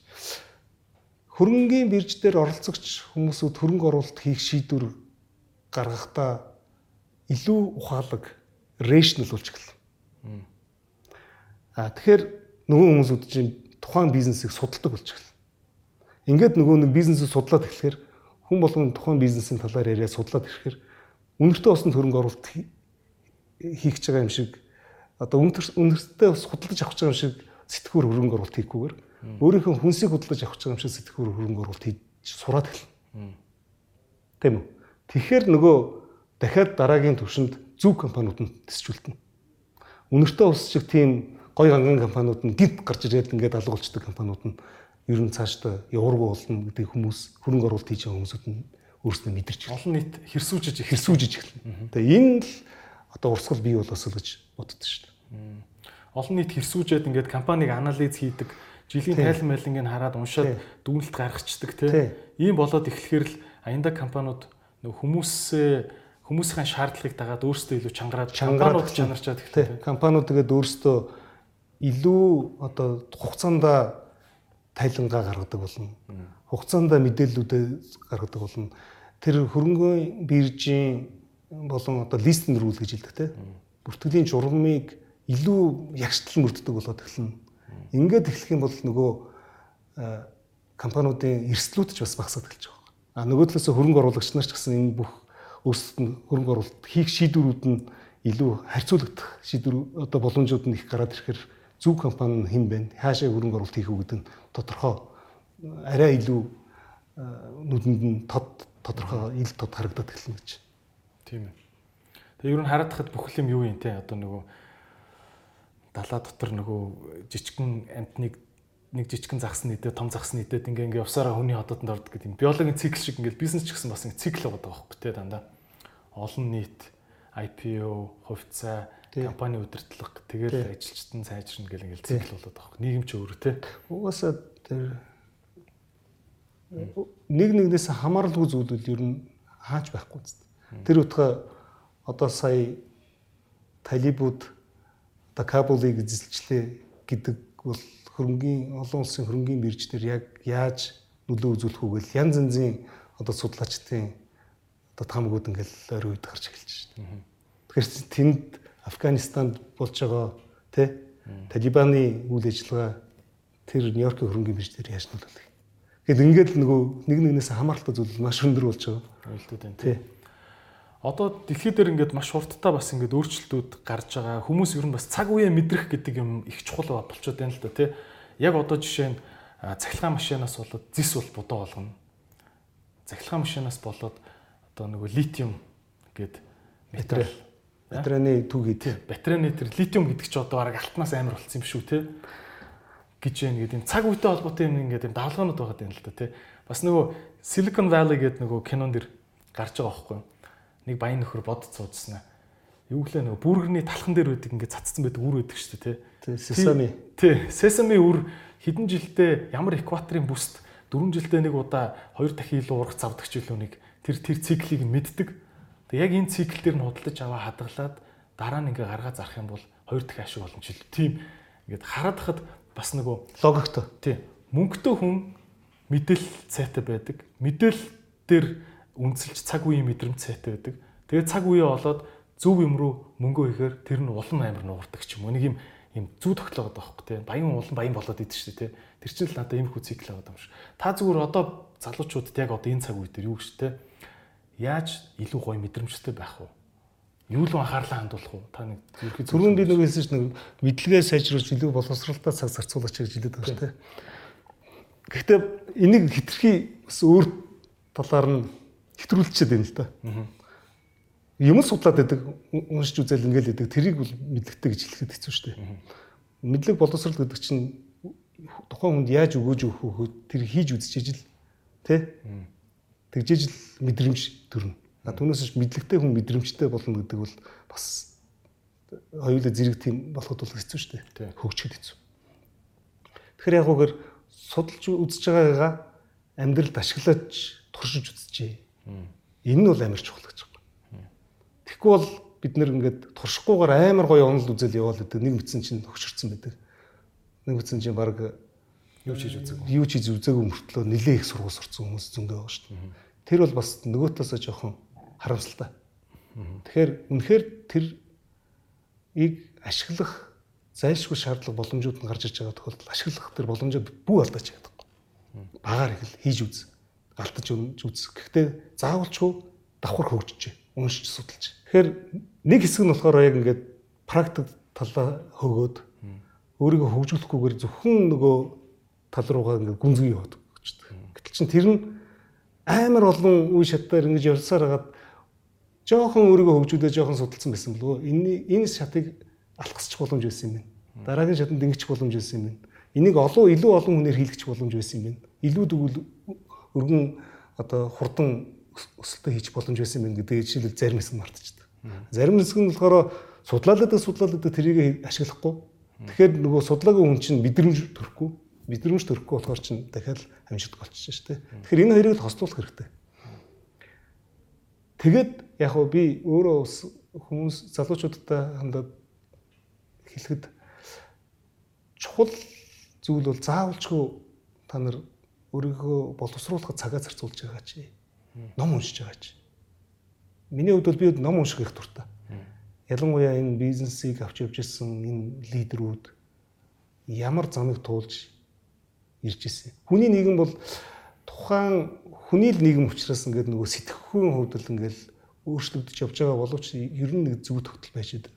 Тэгэхээр тэр нь 70 оны нийгэм үү, 90 оны нийгэм үү, 2020 оны нийгэм үү ялгаагүй нэг тийм зүйл тогтлууд бол байгаад байгаа. Тэгэхээр ийм нийгэмд яг ямар одоо зүйл илүү ажиглагддаг вэ гэдгийг л битрэх хэрэгтэй болчиход байгаа юм. Тэгэхээр л унших хэрэгтэй түүхээ мэдэх хэрэгтэй харах хэрэгтэй бол гэж тэгж л боддог. Ялчгүй хийжээж л мэдрэмж суух юм байна те. Тэгээд хийжээж тэрийгэ хийж байгаа зүйлтэйг уялдуулж яж тэгжээж л мэдрэмж суух. Тэгэхгүй бол мэдрэмж суухгүй бол ер нь явахд хэцүү шүү дээ. Тийм ээ. Аа одоо Монгол залуучууд нэг ийм их их юмыг маш их ярьдаг болоод байгаа. Дэлхийд гарна. Одоо яг хуу Монгол улстай ингээд гоё юм хийнгүүт бас хүмүүс ч гэсэн нэг тийм болчлаа те. Би ингээд гоё юм хийц шүү гингүүт нэг тийм. Нэг баяр өрөхгүй те аах тэ тэгэл хийн штэ одоо тэг өөр яах тэгээд харин одоо юм олон улсад ямар нэг юм гаргаж ижил нэг юм алга ташуулдаг болоод штэ тий ер нь олон улс руу гарах тал дээр та юу гэж боддгоо манайхан одоо яаж өөрсдөө бэлдэх боломжтой эсвэл бас яг өнөөгийн байдал нөхцөл байдал бас биднэрт ингээд олон улсаас доллар олж ирэх ямар боломжууд та бүхэн та олж харж байна те. Мэдээж уул уурхай бол том бизнес те. Тэрний наагур боломжууд хаагур байна. Ер нь зүгээр боломж байвал олон улс руу гарах нь зүгээр. Гарах л хэрэгтэй. Одоо тэрийг гарч байгаа залуучууд компаниуд байвал тэрийг бол одоо үнэхээр одоо үнэлэх хэрэгтэй тий. Угаасаа олон улсын зах зээлд өөрсдөө үнэлэгдэх байх л та. Тийм. Аа солонгосчууд бас их сонин нийгэм ард түмэн юм шиг байлээ. Миний зүгээр ажилласнаар англи хэлгүй шахуу мөртлөө Африкт асар том том хөрөнгө оруулалтууд хийцгэсэн. Хятад ч ялгаахгүй л. Тэгэд энэ зүүн өмнөд Аз болон бүр Латин Америкт ч очиод Чилид ч очиод хөрөнгө оруулалт хийсэн явж байгаа шин. Өөрөөр хэлбэл нөгөө хідний барьер марьяараасаа илүү нөгөө хүмүүсүүд чинь ийм одоо орчин үеийн нөгөө колоничлалын одоо эдийн засгийн колоничлалын л бас тийм юу юм уу да. Одоо нэг хэлбэр юм уу да зөвлөд үнэхээр тийм боломж байгаа бол бусад барьерээр одоо тэр сад дотгороо үл тоогоод тухайн газар очиод өөрсдийнх нь бүтээгдэхүүн үйлчлэгээ бараа бүтээгдэхүүнийг зарж зах зээлд хэлэх хэрэгтэй. Тийм боломж байгаа бол үнэхээр одоо манай залуучуудад бол хэрэгтэй. Нөгөө талаас бид нар бас боломжийг бүрдүүлж өгөх хэрэгтэй. А бидний хувьд бол Монголд үнэхээр тасралтгүй одоо солонгосын гэдэг юм зүүн өмнөд Азийн одоо хүмүүсүүдийн хэрэгцээг хангах бүтээгдэхүүнүүд үйлдвэрлэж чаддаг бол CU-гийн тэр Солонгост байгаа 15 мянган дэлгүүрээр бид нэр лангуун дээр нь тавиад өгөх боломж байна шүү дээ. Та яг тэгж чадах уу? C BGF BGF гэдэг компани одоо CU-г одоо Солонгост үндэслээд бий болгоод ингээ авч явж байгаа яг оператор компани. Тэрний эзэн нь өөрөө ирсэн. Яг манай 2000 18 оны 9 сард нээлтэнд ирсэн. Тэр хүн өөрөө ядаж нэг нэг контейнер ч гэсэн явуулчихлаа. Тэгвэл бид нэр тэнд зараад үзье л дээ. Бид нэр та нарын Монголын бүтээтгүүнүүдийг солонгосын зах зээл дээр гаргаад. Бүгэн дэмжмээр байна гэж хэлсэн. Тэгээд бид нэг хоёр контейнер гарсан. Манай Монголын жуус гарсан. Тэгээд даанч одоо бас ковидоос болоод тэр байна. А нөгөө талаас бас яг нөгөө 17 мянган дэлгүүрт юу ч биш шүү дээ. Тэ. Гэхдээ зарагдлаа гэхэд энд түүхий болон бусад бүх зүйлүүд нь тасралтгүй байхгүй бол тэнд нэг удаа зарагдаад төрөний нөгөө нэг хилдэг зүйл чинь тэ бүтээгдэхүүний оронд орлого бүтээгдэхүүн гарч ирэл тэр лангуунаас дахиж лангуун дээр барьж чадахгүй байхгүй. Тийм учраас нөгөө маш их хэмжээний тэр бүтээгдэхүүнүүдийг бид нэр одоо тасралтгүй үйлдвэрлэх хүчин чадалтай ийм компаниуд Монголд олон бий болоосоо тэгвэл бид нэр тэр бүтээгдэхүүнүүдийг гадаадын зах зээл дээр, солонгосын зах зээл дээр гаргах лангуу нь шин. Лангуу гэдэг чинь хамгийн чухал асуудал болчиход байгаа байхгүй. Хүн маркетинг хийгээл ингээд явах хэрэгтэй. Бүтээгдэхүүнүүдэд маркет хийгээд, брендинг хийгээд ингээд явах хэрэгтэй. Тэгж тэгжээс сүүлд нь лангуун дээр очиж байгаа шүү дээ. Дараа нь тэр лангуунаас гарч байгаа шүү дээ. Одоо энэ пакэж одоо бүтээгдэхүүнүүдийн хувьд бол Гэтэл чи шууд лангуун дээр нь тавиад өгөө гэж байгаа бол асар олон замыг одоо ингээд дөтлөд ороод ирчихэж байгаа тийм боломжтой. Тийм. Тийм учраас ийм боломж нь байна. CU-гийн CU-гийн шугамар голын урсгал сүрж бүтээгдэхүүн авчиж цаана солонгос навж тавих гэдэг шүү дээ эсвэл шууд гүүрэн дээгүүр гараад. Одоо би зүгээр бодоод байдаг хгүй. За Монголд ингээл ирдэг штэ гадныхан ирэл дэмжин барин те. За Монголыг өстой үргэлж олон улсад дэмжих болно гэж гой гар урьчаал зураг авахулчаад буцаа нисчдэг те. Тэг яг ингээ Монголоос ингээ юм аявуулахар за тийшээ бичиг цаасаа өгөрөө гэл ингээл яг тавигддггүй те. А яг хуу хувийн бизнесүүдийн хувьд бол ондоо та юу н одоо яг ингээ жишээ нь CU-гийн толгой компани те. Солонгосын толгой компанины захирал махирлуудтай одоо хэр ойрхон байдیں۔ те. Ер нь би бас ингэж боддог байхгүй зөв миний бодол шүү. Хэдийгээр энэ бичиг цаас корпорат корпорат засаглал, менежмент энтэйгээ сүртэй үг бизнес дээр яригдаг ч гэсэн яг эсэм дээр тэгэл хоёр захирал нь хоорондоо хэр найзууд юм. Үнэхээр CU-гийн солонгосын толгой компани захирал ирээд танаа гэрийн гадаа очиод мах шарал шараа иддэм уу? Тантай хамтаа эргэддэм уу? Караоке иддэм уу те? Тэгээд за хөгшөө. Насан зүгээр амлж гинэ зүгээр. Мяа байсан ч хамаагүй би танаа зүгээр хоёр контейнерыг заавал сөүлийн сөүл стейшны салбар дээр би зүгээр хамгийн гой ламун дээр тавьж өгнө мэдв гэд ингээд танд бүр ах トゥ ингэж амлалт амлалтгүй те. Ямар хөө хэрэг тэгж амлвал би л тэр хүнээс зайварна тийм яг бол угаасаа өөрийнхөө үндсэн бизнесийг те эн чин хэлж шít энэ бизнес нь хамгийн одоо зөв бүтээгдэхүүнүүдээр бүрдэж иж тэр одоо бизнес чинь л өөрийнх нь амин амин сүнсэн бизнес чинь л хөгжиж шүү дээ. Бизнесийн зарчмаар биш. Бид хоёрын ингэснээр болоод лангуун дээр тавигдж байгаа бол энэ бизнес сүрэх байхгүй. Нэгдүгürt. Тийм учраас тэр төвшний харьцаа бол би бол буруу харьцаа гэж боддог. А харин боломж олох ёстой гэдэг нь бол зөв. Боломж олохдоо ийм шаардлагуудыг та нар хангаж байгаа. Тэ? Ийм тестүүдийг та нар ингээд авчих. Шалгууруудад авчих. Тэгвэл харин би стажинхэн дэлгүүрүүдийн лангуун дээр тавьж өгөх боломжийг гаргаж өгөө гэж хэлж байгаа бол энэ бол мэрэгжлийн төвшнийг байхгүй. А энэ төвшөнд бид нар бол ийм төвшний харьцаатай байхгүй. Энийг бол би одоо хамаагүй илүү боломжийг бид нар толгож өгч байгаа л гэж бодож байна. Тийм учраас заавал сөөж ууж байгаа амлах албагүй л гэж. Сөөж ууж байгаад амлах албагүй гэхдээ бид нар сууг суугаа сөөжүүд уудаг шүү дээ. Тэр бол тэрэн дээр тэгж амлах бизнесийн мөрөн дээр алгадах биш. А тэрэн дээр илүү нэг нэгийгээ таньж мэдчихээл. Яг бизнес хийх болохоор саяны тэр шалгууруудын давхгүй бол ямар бизнес байх вэ те? Тийм ээ. Окей. За тэгээд бид хоёрын ярилцлагын цаг ингээд өндөрлж байна. Таны бас энэ хоёр том бизнес байна те. Эдний талаар сонсох их сонирхолтой байлаа. А танд э, одоо ярилцлагын сүүлийн минутыг үлдээ.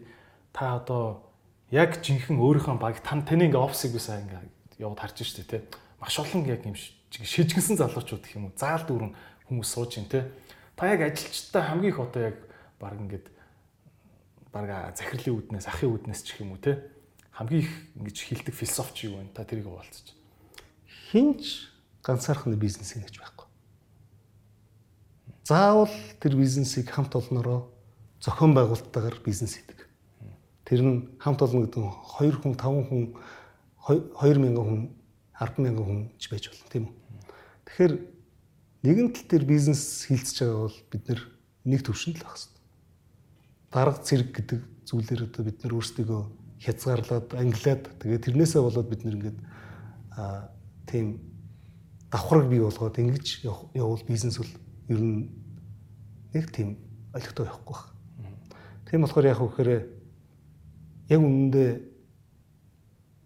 нөгөө делегац гэж хэлдэг тийм ажил үүргээ зөв хуваарлах хэвээр хүмүүсүүдэд нь зөв одоо хийх хэвээр ажлын зөв хоорондоо бид нэр тохиролцох хэвээр хариуцлага тохиролцох хэвээр.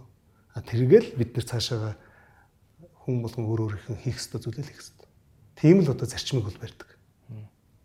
А гэхдээ хүн тэр хүн юу хийж байгаагаас үл шалтгаалаад захирланч байна уу? Дунд шатны менежерч байна уу? Одоо анхан шатны дөнгөж ажилд орж байгаа залууч байна уу? Бид нар бол яг ялгаа авахгүй харцдаг. Энэ л бол бидний хувьд бол үндсэн философи. Энийгээ бид нэр урт хугацаанд барьж явж чадах юм бол амжилттай одоо бизнес хийх боломж нь бүрдэн л гэж бодож байна. Ер нь тэгээд та нар өөрсдөө сайн мэдж байгаа хөөхтэй хамгийн зөв мэрэгжлийн төвшөнд харьцаатай хийх ажил нь тодорхой газраас хүн нэг ажлаас гараад ахыг хүсдэг шүү дээ. Магадгүй тэр хажуудлын компанид нь илүү яг ажиллахан ажилт нь илүү өндөр цалин аваад ингэж байгаа мөртлөө юм тодорхой биш ингээл нөгөө хүмүүсүүдийн хувьд бол нэг тийм тэрнээсээ болоод хүн бухимдж эхэлдэг. Мотивац алдаж эхэлдэг. А гэтэл чин яг бүх зүйлүүд нь тодорхой дараагийн би юу хийвэл ямар зүйл намайг хүлээж байгаа вэ гэдгийг нөгөө хүн мэдэрсэн байвал тэр бол их чухал. Тэгэхээр тэр ажил үүргийн хуваарийг хэдүүлээ тодорхой ойлголцох гэдэг бол бидний хувьд бол амжилтын том нэг шалгуур үзүүлэлт гэж ойлгож байна. Тэрийг л захирал хүн их анхаарч анхаарч байх хэрэгтэй юм шүү дээ. Аа яг үнэндээ захирал хүний гол үүрэг бол өөрөө тэр бизнес хийгээд явах биш шүү дээ. Захирал хүний гол үүрэг бол яг энд ажиллаж байгаа бүх хүмүүсүүд нь үнэхээр хүмүүсүүдийн л менежмент байхгүй. Үнэхээр бидний хүн дотгож байгаа хараад хүмүүсүүдийн уур амьсгалыг л мэдэрдэг. Дараагийн шатанд бид нэр үнэхээр явж чадах тийм дараагийн одоо манлайллыг тэр хүнээс хүмүүс харж байгаа шүү дээ. Түүнээс ч өөр юм тэрнээс тэр захирлаас харахгүй шүү дээ. Яг бол ажлын тэр ард нь асаалтаа танк чи хийгээл өгч шүү дээ. Гэтэл чин тэр хүн танк нь хаашаа явах уу гэдгийг манлайлал нь тэр хүнээс харж байгаа учраас манлайлал тэр хүн байнга одоо сэргээж өөрийг өөртөө дүгнэлт өгч явах хэрэгтэй. Тэгжээж л одоо бүх хамт олон чинь цогтой ингээд том усан онгоц аяллаа одоо усан онгоц чи замдаа гарна. Бид нар одоо сая 10 оныхон а яг одоо хой дээр группийн логог бид нар өөрчилж байгаа. Манай логоны үндсэн ойлголт, манай группийн үндсэн философиг тусгаж байгаа. Тэр бол юу гэхээр усан онгоц даруулт зайны тодорхой дүрс орчиж байгаа. Дээрээс нь бид нэр байнгын бид нар өсөж дэвших хэвээр аялал хийх хэвээр гэдэг тэр нөгөө адвенчерс байх хэвээр тий гэдэг тэр ойлголт орж иж байгаа. Дараа нь бид нэр болохоор хамтдаа цуг аялах хэвээр гэдэг тэр ойлголт орж иж байгаа. Тэгээд бид нэр ингээд холын холыг бид нэр туулах хэрэгтэй гэсэн. Тийм зүйлүүдийг бид нэр ингэж тусгасан. Тэр одоо гоё одоо лого цаад одоо утга санаа манай залуучууд одоо тэгж бүгд тэгж ойлгож байгаа. Энэ л одоо бидний хувьд л яг нэгдсэн ойлголттой авч байгаа тийм л зүйл юм байгаа шүү дээ. Энэ л чухал. Тэгэхээр манлайлал чухал нөгөө талаас хариуцлага ажил үргийнхээ хуваар нь тодорхой байх нь чухал. За баярлалаа. За баярлалаа.